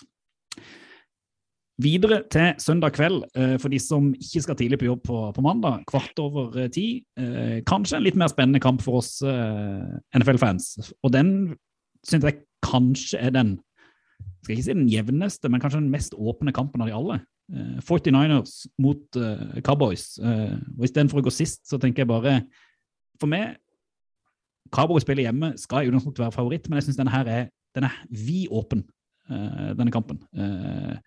Eh, Mats, hva, ten hva tenker du ut fra momentum og kampene de har spilt nå, og, og hvor den her ender?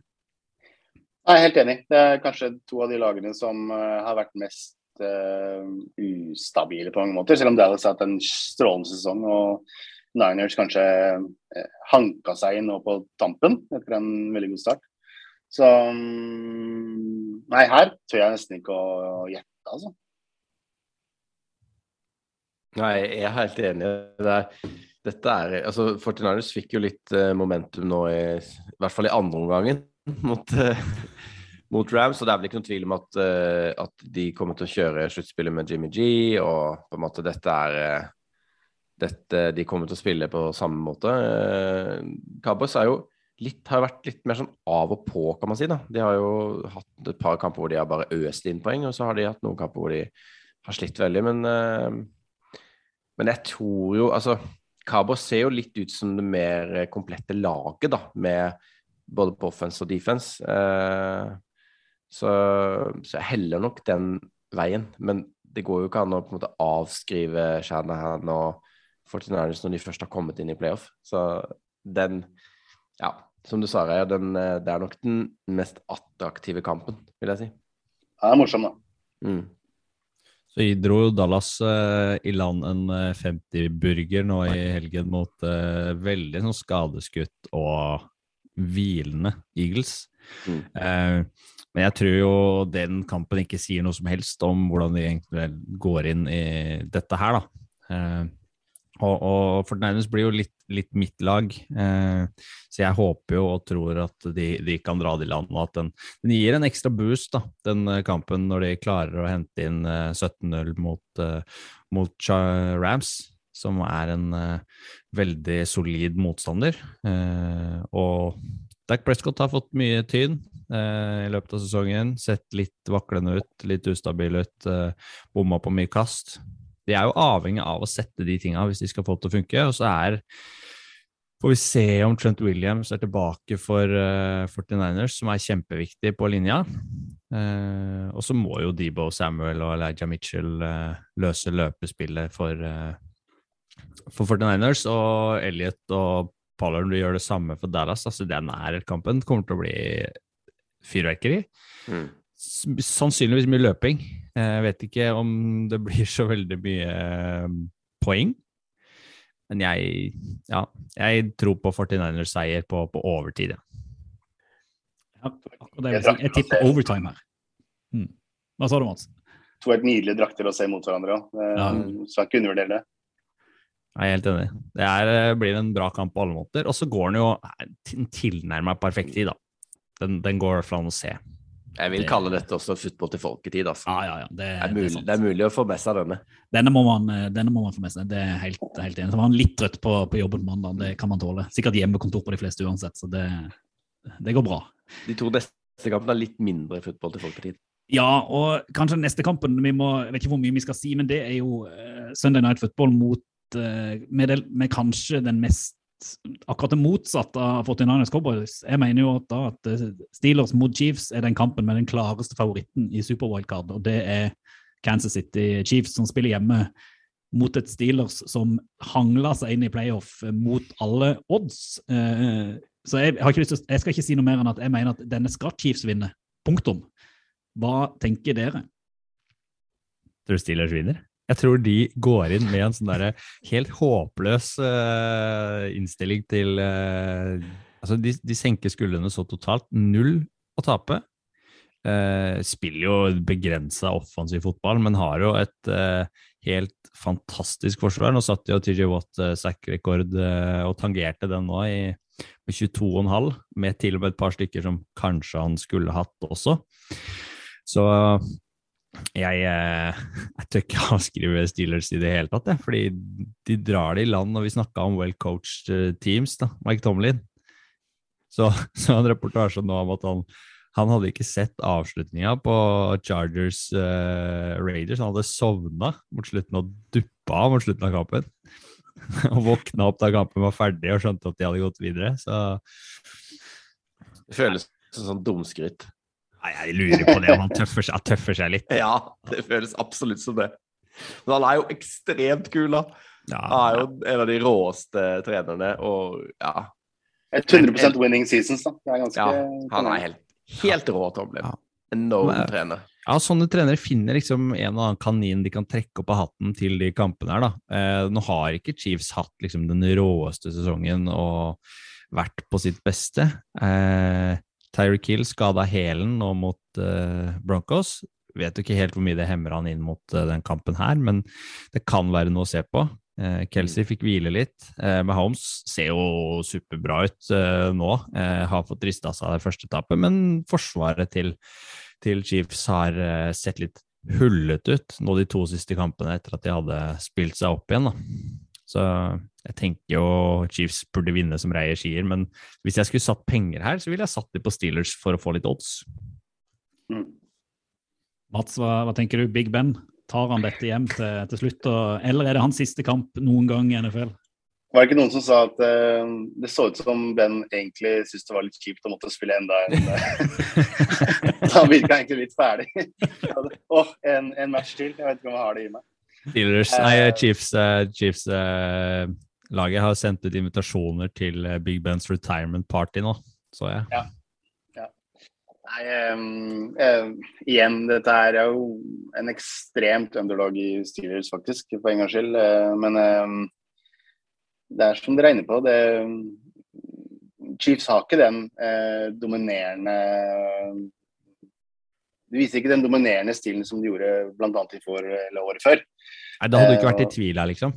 Nei, og Mahomes eh, har virka litt sånn Om ikke eh, ukonsentrert, så i hvert fall litt sånn Han har ikke den samme maktdemonstrasjonspersonen, da. Som Han er ikke like besluttsom, liksom. Nei, Det tar litt lengre tid før han fyrer av og blir sekka litt mer og misser på flere kast. Og, ja. Riktig. Så kanskje det kan utnyttes. I hvert fall hvis Forsvaret er tilbake til hvordan de var i starten av sesongen. Det, som du sier, det var et kjempeopptur i siste halvdel av sesongen. Men eh, eh, hvis de slipper litt, så er det nok av eh, skill players på Steelers til at eh, nudelarmen til Ben kan eh, få til eh, nok. Han hadde var sånn 4000 yards i året òg, liksom, eller hva det var. Ja. Selv om han ikke er i stand til å løpe eller egentlig kaste. Men det, det ordner seg på et vis. Da. Ja. Og så føler jeg, jeg føler liksom Chiefs at de har ikke den der uslåelige auraen som de hadde Nei. Og Kelsey har jo en supersesong, men ikke helt sånn Supermann uh, i år. Nei. Og det kan jo hende vi er bare blitt plassert av, av at vi har sett Chiefs uh, i to år vært helt unike, da. Men, uh, men ja. Det, De knuste jo Steelers 32-3, var det for to Altså, uker jeg, siden? tror de, jeg tror de vinner denne greit, Ja. altså, for å være helt ærlig. Men, eh, men jeg liker jo også tanken på en upset, for det er jo det som er litt gøy med den sporten. Som du sa tidligere, Mats, at nå er det én kamp. Og da er det sånn da er det... Så mye til, liksom. du skal ikke sove på momentum, altså. Hvis det, det skjer et eller annet kluss i starten for Chiefs, og, og Steelers får et litt overtak, og kanskje Watt får et, en sack eller to tidlig på Mahomes, altså. Sånne ting i en enkampsaffære, det, det er ikke så lett å forutse. Og Najee Harris er vel to-tre ganger bedre enn den beste running backen på Mm. Casey akkurat nå. Mm. Kanskje det kan hete noe der òg. Mm. Og så har jo sånn Deante Johnson og, og Claypool eh, Steelers spilt seg veldig opp i løpet av sesongen også, så man vet aldri. Jeg syns det, eh, det er en spennende matchup. Da. Jeg tror ikke den er så gitt på forhånd, eller som det ser ut til på forhånd. Som du skal ha det til Reir. Nei. Tenk hvis jeg hadde hatt en eh, ikke pensjonert quarterback. Det hadde vært ekstremt mye vanskelig å velge her. Virkelig. Til slutt så må vi jo prate om eh, ovalballfavoritt Kyler Murray og Arizona Cardinals mot uh, Matthew Stafford og uh, Los Angeles Rams. Hvor går den kampen? Uh, det er jo et divisjonsopprør som Arizona har hatt litt kontroll på, eh, på tidligere. Stian, eh, hvis du må tippe ut fra momentum og kvalitet og erfaring og trenere og Hvem tar den seieren hjem? Det er jo Cardinals dro vel akkurat i land eh, seieren mot Rams her nå for eh, noen uker siden. Eh, men jeg syns Cardinals liksom har hatt en Nei, motsatt, tenker jeg. Altså, jeg syns Cardinals kanskje har hatt en litt sånn fallende kurve, da, på, i hvert fall i de jevne oppgjørene. At de har, de har klart å tape de litt sånn på målstreken og ikke helt fått i gang spillet. Og nå har de vært veldig avhengig av å ha DeAndre Hopkins eh, eh, som er ute. Eh, Rams har stjernespekka eh, superlag som burde, burde vinne den kampen her, sånn med satsing som de legger ned. Da. Eh, selv om jeg vil ha Kylie Murray videre, så tror jeg nok det blir stopp her, altså. Selv om det så lovende ut. Hopkins er ute hele sesongen, eller? Ja, har sett sånn ut. Det er mulig han kunne blitt klart en divisional game, tror jeg. Men uh, det er, du vet aldri helt, det er sånn touch and go på de, hva de gir av rapporter og sånn, men han er så viktig for det laget, og AJ Green og, og Edmunds er muligens ute. Uh, så ja, mye skader eh, på slutten, altså. Veldig Og uheldig. egentlig hele år, da. Med Murray var jo ute en stund og sånn. Ja. Nei, det, det uff. Jeg, jeg er jo helt enig med deg. Jeg hadde jo Det er jo hadde vært så gøy å se Kyler videre, men uh, Fem uker siden så har jeg tippa de til Superbowl. Nå Så fort snur det, da. Jeg syns, syns altså momentum gjør at Rams får eh, Selv om de tapte mot 49ers nå, så har de kanskje et høyere tak og en bedre stall og burde være i stand til å, til å hamle opp godt med, med Cardinals. Og så tror jeg altså Sean McVay fikk en, en liten smekk på coachingfingra sine i kampen mot uh, Shannon og 49ers nå. For det var liksom et par avgjørelser og noe liksom hodemist og klokkehåndtering og timeout-håndtering som ikke ble håndtert på beste vis. Eh, og nå tror jeg kanskje han er litt mer skjerpa inn i den matchen her, da. Eh, Mats, har du troa på at Stafford eh, treffer riktig eh, lag med pasningene sine og tar denne hjem for, for Rams? Ja, Godt spørsmål. Kanskje hvis du får Beckham til å fortsette en positiv trend han har hatt. da. Men eh, det er egentlig ganske, to lag med ganske lik utvikling mot slutten av sesongen, egentlig. Eh, på sitt beste noe av det mest eh, imponerende offensive spillet vi ser. Og så har det skorta litt i siste halvdel av sesongen. Så nei, dette er ganske åpent. Jeg tipper jeg tipper LA, altså. Så eh, nå mot 49ers så hadde jo Rams bomma på en del eh, playcars som de gjorde. og Del løp jo rett inn i en annen receiver og løp samme ruta et par ganger. Det var, det var sånn tilløp til litt panikk og litt desperasjon og litt sånn uklar eh, Altså, vi var ikke helt skjerpa, da. Først, f- Førsteelskeren til Kyler Murray, Kenneth. Hva, hva ender du på? Du ender på Rams, du? Ja, jeg tror nok jeg ender på LA, altså. Men jeg håper på Cardinals. Da har du min konklusjon òg. Så da, eh, da, da sitter vi igjen med, sånn som jeg leser gjennom her, at eh, Bengals går videre. Eh, Patriots og Bills står det helt likt mellom oss. Alle har troa på Bucks. Står ganske likt mellom 49ers og Cowboys òg. De fleste har troa på Chiefs, men tror på en upset i den kampen. Og man har troa på at Rams går videre fra Monday Night Football. Så dette skal vi oppsummere neste uke, og så skal vi se hvor rett vi egentlig vi hadde. Det er det beste jeg har hørt. Dette er gøy. Det der, det er fett. Oval ball anbefaler.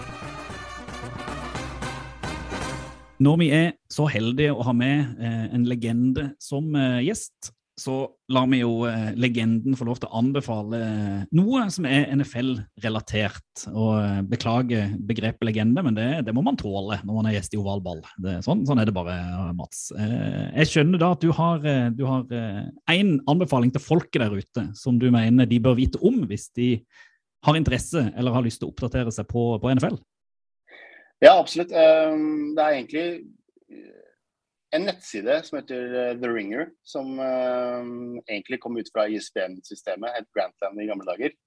Eh, Så er det han eh, sjefen bak det, Bill Simmons, som har laga en ny nettside som heter The Ringer, for han fikk sparken i eh, ISBN. Eh, og de har både ekstremt mye bra innhold på nettsiden, men ikke minst masse podkaster som er eh, veldig nyttig for å holde koll på NFL og fantasy og ja, masse popkulturelle ting også, hvis du er interessert i TV-shows og filmer og sånn. Så mm, jeg kommer sikkert til å angre på at jeg sier det nå, for jeg stjeler jo mange av mine tekst derfra. Men uh, theringer.com uh, og alle podkastene som uh, ligger under Spotify-paraplyen, kjøpte The Ringers eh, Spotify-portefølje for et par milliarder, tror jeg, i fjor. Eller for to år siden. Der er det en ganske grei inngangsbrett for å bare få litt sånn hyggelig eh, NFL-prat uten at det er altfor komplisert. Så det er mitt tips. Ordentlig football for folk eh, anbefaling. jeg. Det liker vi veldig godt.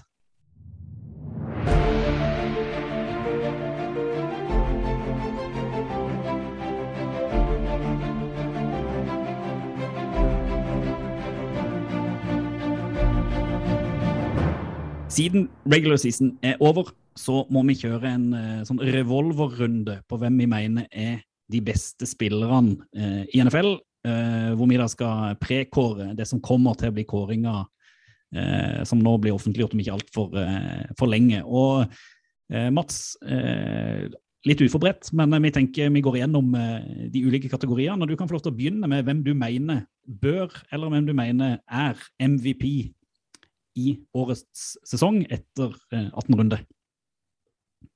Nei, For meg så er det Cooper Cup. Ikke bare fordi han er på mitt fantasy-lag, men uh, å sette alle de rekordene uh, som han har gjort som receiver for et uh, godt lag, men ikke det beste laget. Eh, hvis ikke det alltid skal gå til en quarterback, eh, som det sannsynligvis kommer til å gjøre, så må det kunne gå an å gi det til Cooper Cup etter denne sesongen. For det er insane, det greiene han har hatt med.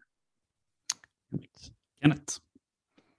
Ja, jeg, jeg tenker at eh, det er Tom Brady. Eh, fordi han er bare så spinnvilt god fremdeles i 44 års alder. Han eh, Det har ikke noe å si hvem han spiller med, nesten. Altså, han har mista alle, alle de beste spillerne, eller mange av de har blitt skada, gått ut og inn av laget. Han hiver til Grayson og til han Scotty Miller og. Han har vært eh, utrolig god, så Brady er mitt tips. Stian? Det er på tross av Togate, da, så går jo kanskje den til eh, Aaron Rodgers for min del, som leder eh, NFLs akkurat nå beste lag. Eh, kaster ikke interceptions, og når det var så mye rot før sesongen med han, og så går han inn og leverer eh, så sterkt som han har gjort, riktignok med god støtte, et godt forsvar, et uh, godt coacha lag også, så har de egentlig hele, hele pakka til å dra seg til Superbowl og vinne det, Uh, og har vist gjennom hele sesongen at han er, uh, han er MVP. Jeg har jo lyst til å si Jonathan Taylor, men når Colts ikke går videre gang til playoff, så må jeg legge den vekk, og da havner jeg jo på Aaron Rodgers eh, som det, Stian, uten ytterligere eh, forklaring, selv om det gjør, eh, gjør litt vondt, men sånn må, det jo, sånn må det jo være. Da går vi videre til Offensive Player of the Year. Eh, du kan få lov til å gå først, Kenneth, og det er fordi jeg tror vi har akkurat samme mann. Ja, her er jeg Cooper Cup. For jeg tenker at eh, her har de jo mulighet til å differensiere, da. Eh, det kan jo være ofte at den går til samme spiller, men det skjer jo noen ganger at den ikke gjør det. Eh, så eh, da tenker jeg at jeg jo for så vidt kan være enig med Mats i at Cooper Cup han har en, en fair sjanse til MVP også, men offensive player i tror jeg han tar. Selv om uansett hvem, om det blir Brady eller Rogers som blir MVP, så tror jeg Cooper Cup får offensive player of the. Jeg støtter deg på, på den, så jeg sender det videre til, til deg, Stian. Samme. Kort uh, trenger ikke si så mye mer. Jeg tenkte også Cooper er uh, selvsagt der når eh, eh, MVP går til en quarterback. For min del, hva de finner på i NFL Network og de som skal velge ut den prisen, det vet jeg ikke, men, men jeg syns Cooper Cup i hvert fall fortjener én av de. Ha- Har du lyst til å gi samme prisen her eh, til cupen, Mats, eller har du en annen kandidat du tenker seiler opp? Nei, jeg tror jeg står på Cooper Cup i og med at eh, høyst sannsynlig så er det vel eh, Jeg tror Aaron Rodgers får MVP på, på ordentlig, så da tar jeg Cooper Cup her også. Det er god. Da går vi videre til den siste offensive awarden, og det er Offensive Rookie of the Year. Og her, eh, Før jeg sender ballen til deg, Stian, så har jeg bare lyst til å lansere fra min side at jeg greier ikke se at det kan være noen andre enn Jamar Chase som får den. Er det noen som er sterkt uenig? Og jeg lar det gå først til det, Stian. Sterkt uenig. Jeg hadde også tippa eller ville hatt han der, men jeg syns jo Jalen Waddle har uh, spilt seg veldig opp i løpet av sesongen og gjort det bra, men han har ikke vært helt på Chase-nivå. Han har vært legendarisk god eh, for Bengals. Hva tenker du, Mats? Helt enig. Så vet jeg også fra å høre på alle de podkastene som jeg nevnte i stad, at uh, Mac Jones er odds-favoritt fortsatt. Så ja. Spennende. Jeg, jeg ville gjort Jamar Chase, men uh, Mac Jones er en outside Ikke outsider, egentlig, fordi han er odds-favoritt, men eh, et alternativ. Ja, Jeg er på Chase, og han har jo vært helt fantastisk. Og det har vært så gøy å se den samarbeidet med Burrow og, og, og Chase, eh, og hvor bra det har funka. Så Du husker Jeg før tror han sesongen får- vi snakka om at han, at han sleit med å ta imot ballen? At, Ja. liksom, at det var noe feil med fargen på den, eller måten Alt var bare skuespill, vet du. det som er gøy med rookie-greia nå, er at vi faktisk har litt oversikt, i og med at vi gira opp så sykt i draften i fjor. Så det er litt eh, Det er gøy å se de Jeg føler vi har, liksom, kommer alltid til å ha et ekstra connection til dette draft-kullet, da. Siden det var liksom vår første, og Jefferson har sett utrolig bra ut. Og, men eh, ja, ja, det var jo liksom Mac Jones som kanskje var alternativet hvis jeg skulle valgt noen andre, men, men eh, med, med så bra eh, stats på Jefferson, så føler jeg han bør få den. Nei, Chase. Det er ja. Ja. Mm. Men det er rått med tanke på neste år at uh, de skal fortsette samarbeidet, Burrow og Mm. Chase. Mm. ja. Og Jefferson er vel også fra samme college-lag. som Ja, ja, ja. Ja. Mm. Fikk- Det de snakka vi om forrige gang. De Ja, du skjønner at de er gode. De var gode. det. Eh, Da hopper vi videre til Defensive Player of the Year. og Vi har vært inne på noen kandidater uh, tidligere. Uh, for meg hadde, står det kanskje mellom eh, Joey Bosa og JJ Watt. Eh, eh, et, nå kan vi gå tilbake til det, Mats. Har du noen eh, tanker rundt den beste forsvareren i NFL i år? Nei, jeg må innrømme at jeg defer to you guys. Dette er over min uh, fatteevne.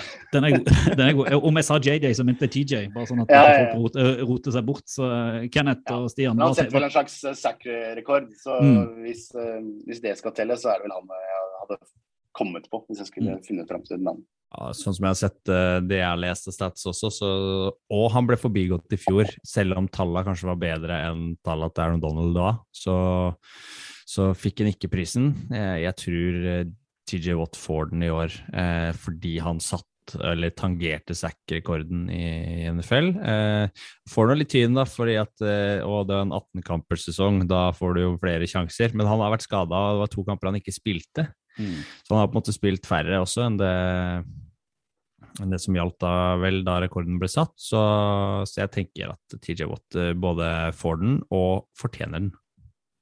Så har det vært Jeg- 12 kamper en sesong, og det har vært 14 kamper en sesong. Ja, ikke sant? de Ja, ja, ja. også, ja. Ja.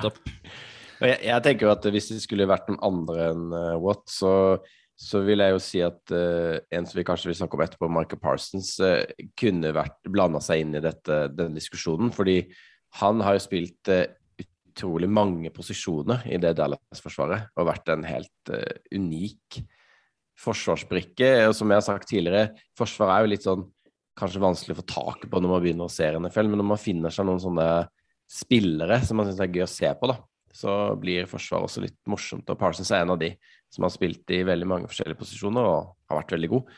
Men eh, jeg tror nok at jeg lander på TJ Watt, jeg også. Men For å smelle tilbake, da, for da, hvis vi går på Defensive Rookie of the Year, Kenneth Hvem det er har du da? der. Det er Parsons du har der. Jeg tror ikke jeg kommer på noen andre, da. Kanskje Surtain, men, eh, men Parsons har jo vært helt vilt, da. Helt vill. Stian? Helt siden uh, hypen fra Hardnox Mm. før sesongstart, og hvordan han fremstår etter intervjuene på draften, og hele personligheten virker jo fantastisk. Kjempegøy å både følge og høre, og, og ikke minst se han på banen. Så Michael Parsons fortjener den. Jeg er enig. Har du noe, har du noe andre å tilføye, Mats, eller følger du hylekoret i ovalball? Det blir Michael Parsons eh, herfra. Det var de forrige talerne. Nei. Men jeg kan jo si at selv om jeg ikke har peiling på defense, egentlig, så å spille Madden, da skjønner du verdien av eh, de beste defensive players, da. Så Michael Parsons, ja. Kult. Da har vi to kåring igjen. Én siste spillerkåring, og det er årets comeback player of the year. Som eh, alltid er litt sånn eh, spennende, eh, både hvem det blir og hvem man har på, på lista. Stian, du kan jo få lov til å gå ut hvem du har satt opp der. Meldte vel Nick Baasa før sesongen. Jeg står på den fortsatt. Jeg syns han har gjort en kanonsesong i et 49ers som har spilt seg varmere og varmere og hetere og hetere. Så jeg syns han har vært bra, viktig for, for laget. Har vel 14,5 sack. Eh, og ikke minst nå i kampen mot Rams så ser du verdien av å ha ham på banen. Så Nick Bosa for min del. Kenneth?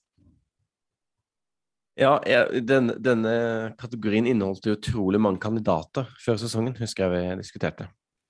Eh, men jeg har landa ned på Dac Prescott. Fordi at eh, han gir Dallas muligheten til å vinne Superbowl.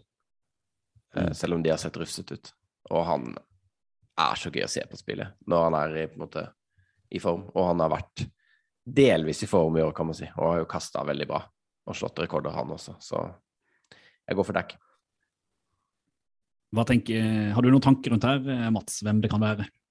Jeg tror jeg støtter Dakke. Eh, Det har vært en ujevn sesong, som vi var inne på i stad. Men eh, han ender vel opp med en av sine bedre statsmessige sesonger likevel. Og Dallas på sitt beste har vært et offensivt eventyr. Så jeg syns det er et godt, godt valg. Jeg hadde jo, hadde jo et håp om McCaffrey, men det gikk jo som det har gått hver eneste sesong, at han spiller et par kamper og blir skada. Eh, og så er jo liksom spørsmålet om, om det er lov å si at Joe Burrow, Joe Burrow kunne vært comeback player of the year, for han ble jo skada ganske tidlig i fjor. Var ute og kom tilbake nå, men er rookie.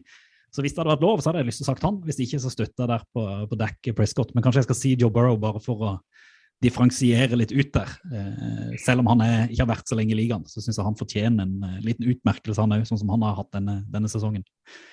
Til slutt, eh, her skal du få lov til å begynne, Stian. Eh, Coach of the year. Hvem får den utmerkelsen fra ovalball? oval ball? Her er mange kandidater. Da. Mange kandidater og mange lag som, som har prestert eh, litt over det man kunne forvente. Eh, men her syns jeg kanskje Tennessee Titans er det laget som har prestert kanskje litt over evne. Og spesielt etter Derrick Henry ble skada, så har de vært nødt til å lene seg på god coaching og, og disponering av et eh, litt begrensa mannskap. Så Mike Rabel for meg eh, er coach of the year. Greit. Ja, jeg har Matt LeFleur, men jeg tror nok at hvis Saints hadde klart å rote seg inn i playoff, så tror jeg nok jeg hadde sagt Sean Payton, altså. Bare fordi det er kaoset der nede med de quarterbackene og De spilte jo ikke hjemme. og- Det var Orkan. sesongen, ja, starte sesongen med to bortekamper og uh, Ja. Det er mange lag som hadde hatt en ganske mye dårligere record uh, og ikke spilt viktig kamp i uke 18, hvis ikke det hadde vært for Sean Payton. Men um, LeFleur har jo vært sykt bra de siste tre åra. Og det er jo litt sånn semikaos oppe i Green Bay òg. vi så jo den reportasjen fra på Dagsrevyen. Det er jo ganske kok eh, og bra stemning der oppe. Veldig sånn Altså, ja En, eh, en eh, sterk, meningsbærende fangjeng. Og ikke minst Aaron Rodgers, som jo trua med å flytte eller slutte, og masse stress. Og de peiser gjennom sesongen med 13 seire på nytt. da. Mm. Så han er for meg eh, coach of the year. Ja, en veldig bra reportasje, forresten. eh, Synes jeg. Mm. Ja, kjempebra. Eh, Vanligvis er det litt sånn her eh, holde folk i hånda-aktig når det kommer noe sånt på Dagsrevyen. Men akkurat der syns jeg var skikkelig bra. Så Har du noen andre kandidater til coach of the year, Mats? Eller, Nei, jeg støtter nok uh, Mike Rabel. Å Mm. bli first seed uten det som kanskje er den beste enkeltspilleren i, i hele ligaen. Det er ganske imponerende. Og hvis han kommer tilbake nå i, i, i playoffs, så er de livsfarlige, Titans. Så jeg støtter det. Jeg har jo lyst til å bare smelle inn Mike Tomlin her. Bare fordi at det at Steelers greide å komme seg videre Ja. til playoff med en pensjonert quarterback. En, eh, en halvtepink. Ja. Ja, det, det er nesten eh, en ære i seg sjøl, selv om jeg ikke er noe veldig glad i Steelers. Så jeg legger han inn der bare for at han er i potten, i alle fall. Så, eh, sånn at vi har det. Eh, nå har vi jo, tror jeg vi har nærmet oss nesten halvannen time her. Det har vært uh, utrolig stas uh, at du tok deg tid uh, og ble, ble med, Mats. Det var, setter vi kjempestor pris på. Du, det var en glede. Det var kjempegøy å være med. Og eh, så håper vi at eh, vi kanskje en gang kan invitere deg tilbake for å høre enda flere historier fra, fra turene til New York og, og andre ting, når ikke vi er midt oppe i, i playoff-diskusjonen. Ja, absolutt. Altså, fantasy, eh, det, det er et uh, uutforsket vann som jeg skal hjelpe dere inn i. Jeg Ja, tror vi skal vi... ta deg inn her når vi drar Ja. oss mot uh, nye drafter og offseason og vi skal snakke litt fantasy, ja, så, så trenger vi nok uh... Det er nok en veldig god idé for uh, vår record i Fantasy. Vi hadde jo to-tre ligaer vi var med i i år. Det gikk ikke så veldig bra. Eh, eh, vi klarte liksom ikke å henge helt med. Men det var sykt gøy å drafte, da. Så vi er jo litt kine på å fortsette eventyret. Vi må ha litt fantasy til folket. Ja. Det er årets eh, høydepunkt, er den draften vi har med ja, amerikanerne og co. Ja, men det, Da har vi en plan for fantasy til folk eh, en gang i løpet av, av våren. Eh, Mm. Leda av, av, av, skal vi si Biltemamannen. Jeg skal ikke si det noen mer ganger, men jeg syns allikevel det er så morsomt. Så, så tusen takk for, eh, for besøket, og eh, som alltid, fotball til folket, Mats. Fotball til folket. ovalball. Fotball til folket. For en herlig gjest Mats er. Det må jeg jo bare få, få sagt. Det er så hyggelig å ha folk som både har eh, trivia-peiling og eh, ovalballpeiling når de har eh, innom her, og òg har litt historie i seg. Deilig å få litt pause fra stemmene deres og bare høre andre å snakke med òg. Fint. Fint, fint, fint. Og vi har jo nevnt flere ganger at han er en eh, Twitter-legende. Det er rett og slett fordi at han var jeg tror jeg, en av de første vi fulgte på Twitter når vi joina det for over 12-13 år siden. eller noe, heter, ikke sant? Ja, ja, ja. Eh, han heter da at Mats G. Burheim, hvis dere vil følge ham på Twitter. Det anbefaler vi sterkt. Der kan du finne hans nikk i vår eh, Twitter-konto, at ovalballpod. Kan du jo be Kenneth oversette hvis du ikke skjønner eh, humoren hans. Ja. Sånn som Reier må. som jeg av og til må eh, få, eh, få Kenneth til å gjøre. Og så finnes vi jo selvfølgelig på, på Instagram og Facebook med samme tag ovalballpod. Og så, som dere skjønner, vi syns det er veldig gøy å ha gjester fra ulike arenaer i samfunnet, så gjerne send oss en mail på kontakt.ovalball.no hvis dere har tips til gjester eller andre ting dere vil vi skal ta opp og diskutere, spesielt nå som offseason kommer nærmere og nærmere. Men først så gleder jeg meg sånn til å sette meg ned og se fulle kamper nå til helga. Red Zone er borte. Litt trist. Vi må takke Scott Hansen for et enormt følge denne høsten. Men eh, nå, nå starter det, dere. Playoff. Det blir fantastisk. Jeg gleder meg så til helga. Eh, kan ikke bli ferdig med denne uka her raskt nok. Og den week 18, Kenneth, det var en opptakt. Hvis det er forspillet, og festen Mm. starter nå til helga, ja, det er bare å Ja. benke seg foran TV-en, altså. ja det, blir, eh, det blir deilig med football til folket. Dette er jo kanskje den, den helga som er mest football til folket, Ja. kan man si. Uh, og Nå håper jeg liksom, nå kommer det reportasje på Dagsrevyen. Nå kommer det til å komme mer og Mm. mer informasjon om NFL og i mainstream media. Det blir mer football til folket. Dette her uh, kommer til å bli en, det kommer til å bli en staselig måned framover nå med NFL i monitor, så lenge ikke covid kommer og ødelegger på, på alle måter. Så jeg gleder meg til å møte deg neste helg, diskutere wildcard-kamper, se fram mot divisional game, spå enda litt mer rundt Superbowl og kanskje prate litt overraskelse og, og andre ting. Det blir, det blir stas, oss tre. Og så eh, har vi jo et håp om at vi fram mot Superbowl skal ha et par gjester til. Det må vi jo få lov til å tise. Absolutt. Det blir, det blir gøy. Da sier jeg egentlig bare takk for i dag. Håper vaksinen ikke tar knekken på det, Stian. Sitter fortsatt oppreist. Det er jo masse covid til folket, det kan vi godt sende ut. Men eh, i alle fall fotball til folket. Fotball til folket. Fotball til folket. Do the Titans have a miracle left in them in what has been a magical season to this point? If they do, they need it now. Christie kicks it high and short. Going to be fielded by Lorenzo Neal at the 25. Yeah, give it Pitches to- it, back to Wycheck. He throws it across the field to Dyson. He's got something. 30, He's got something. 50. He's got it. 40, He's got it. 20, 10. He's got it. End zone. Touchdown Titans. There are no flags on the field. It's a miracle. Tennessee has pulled a miracle.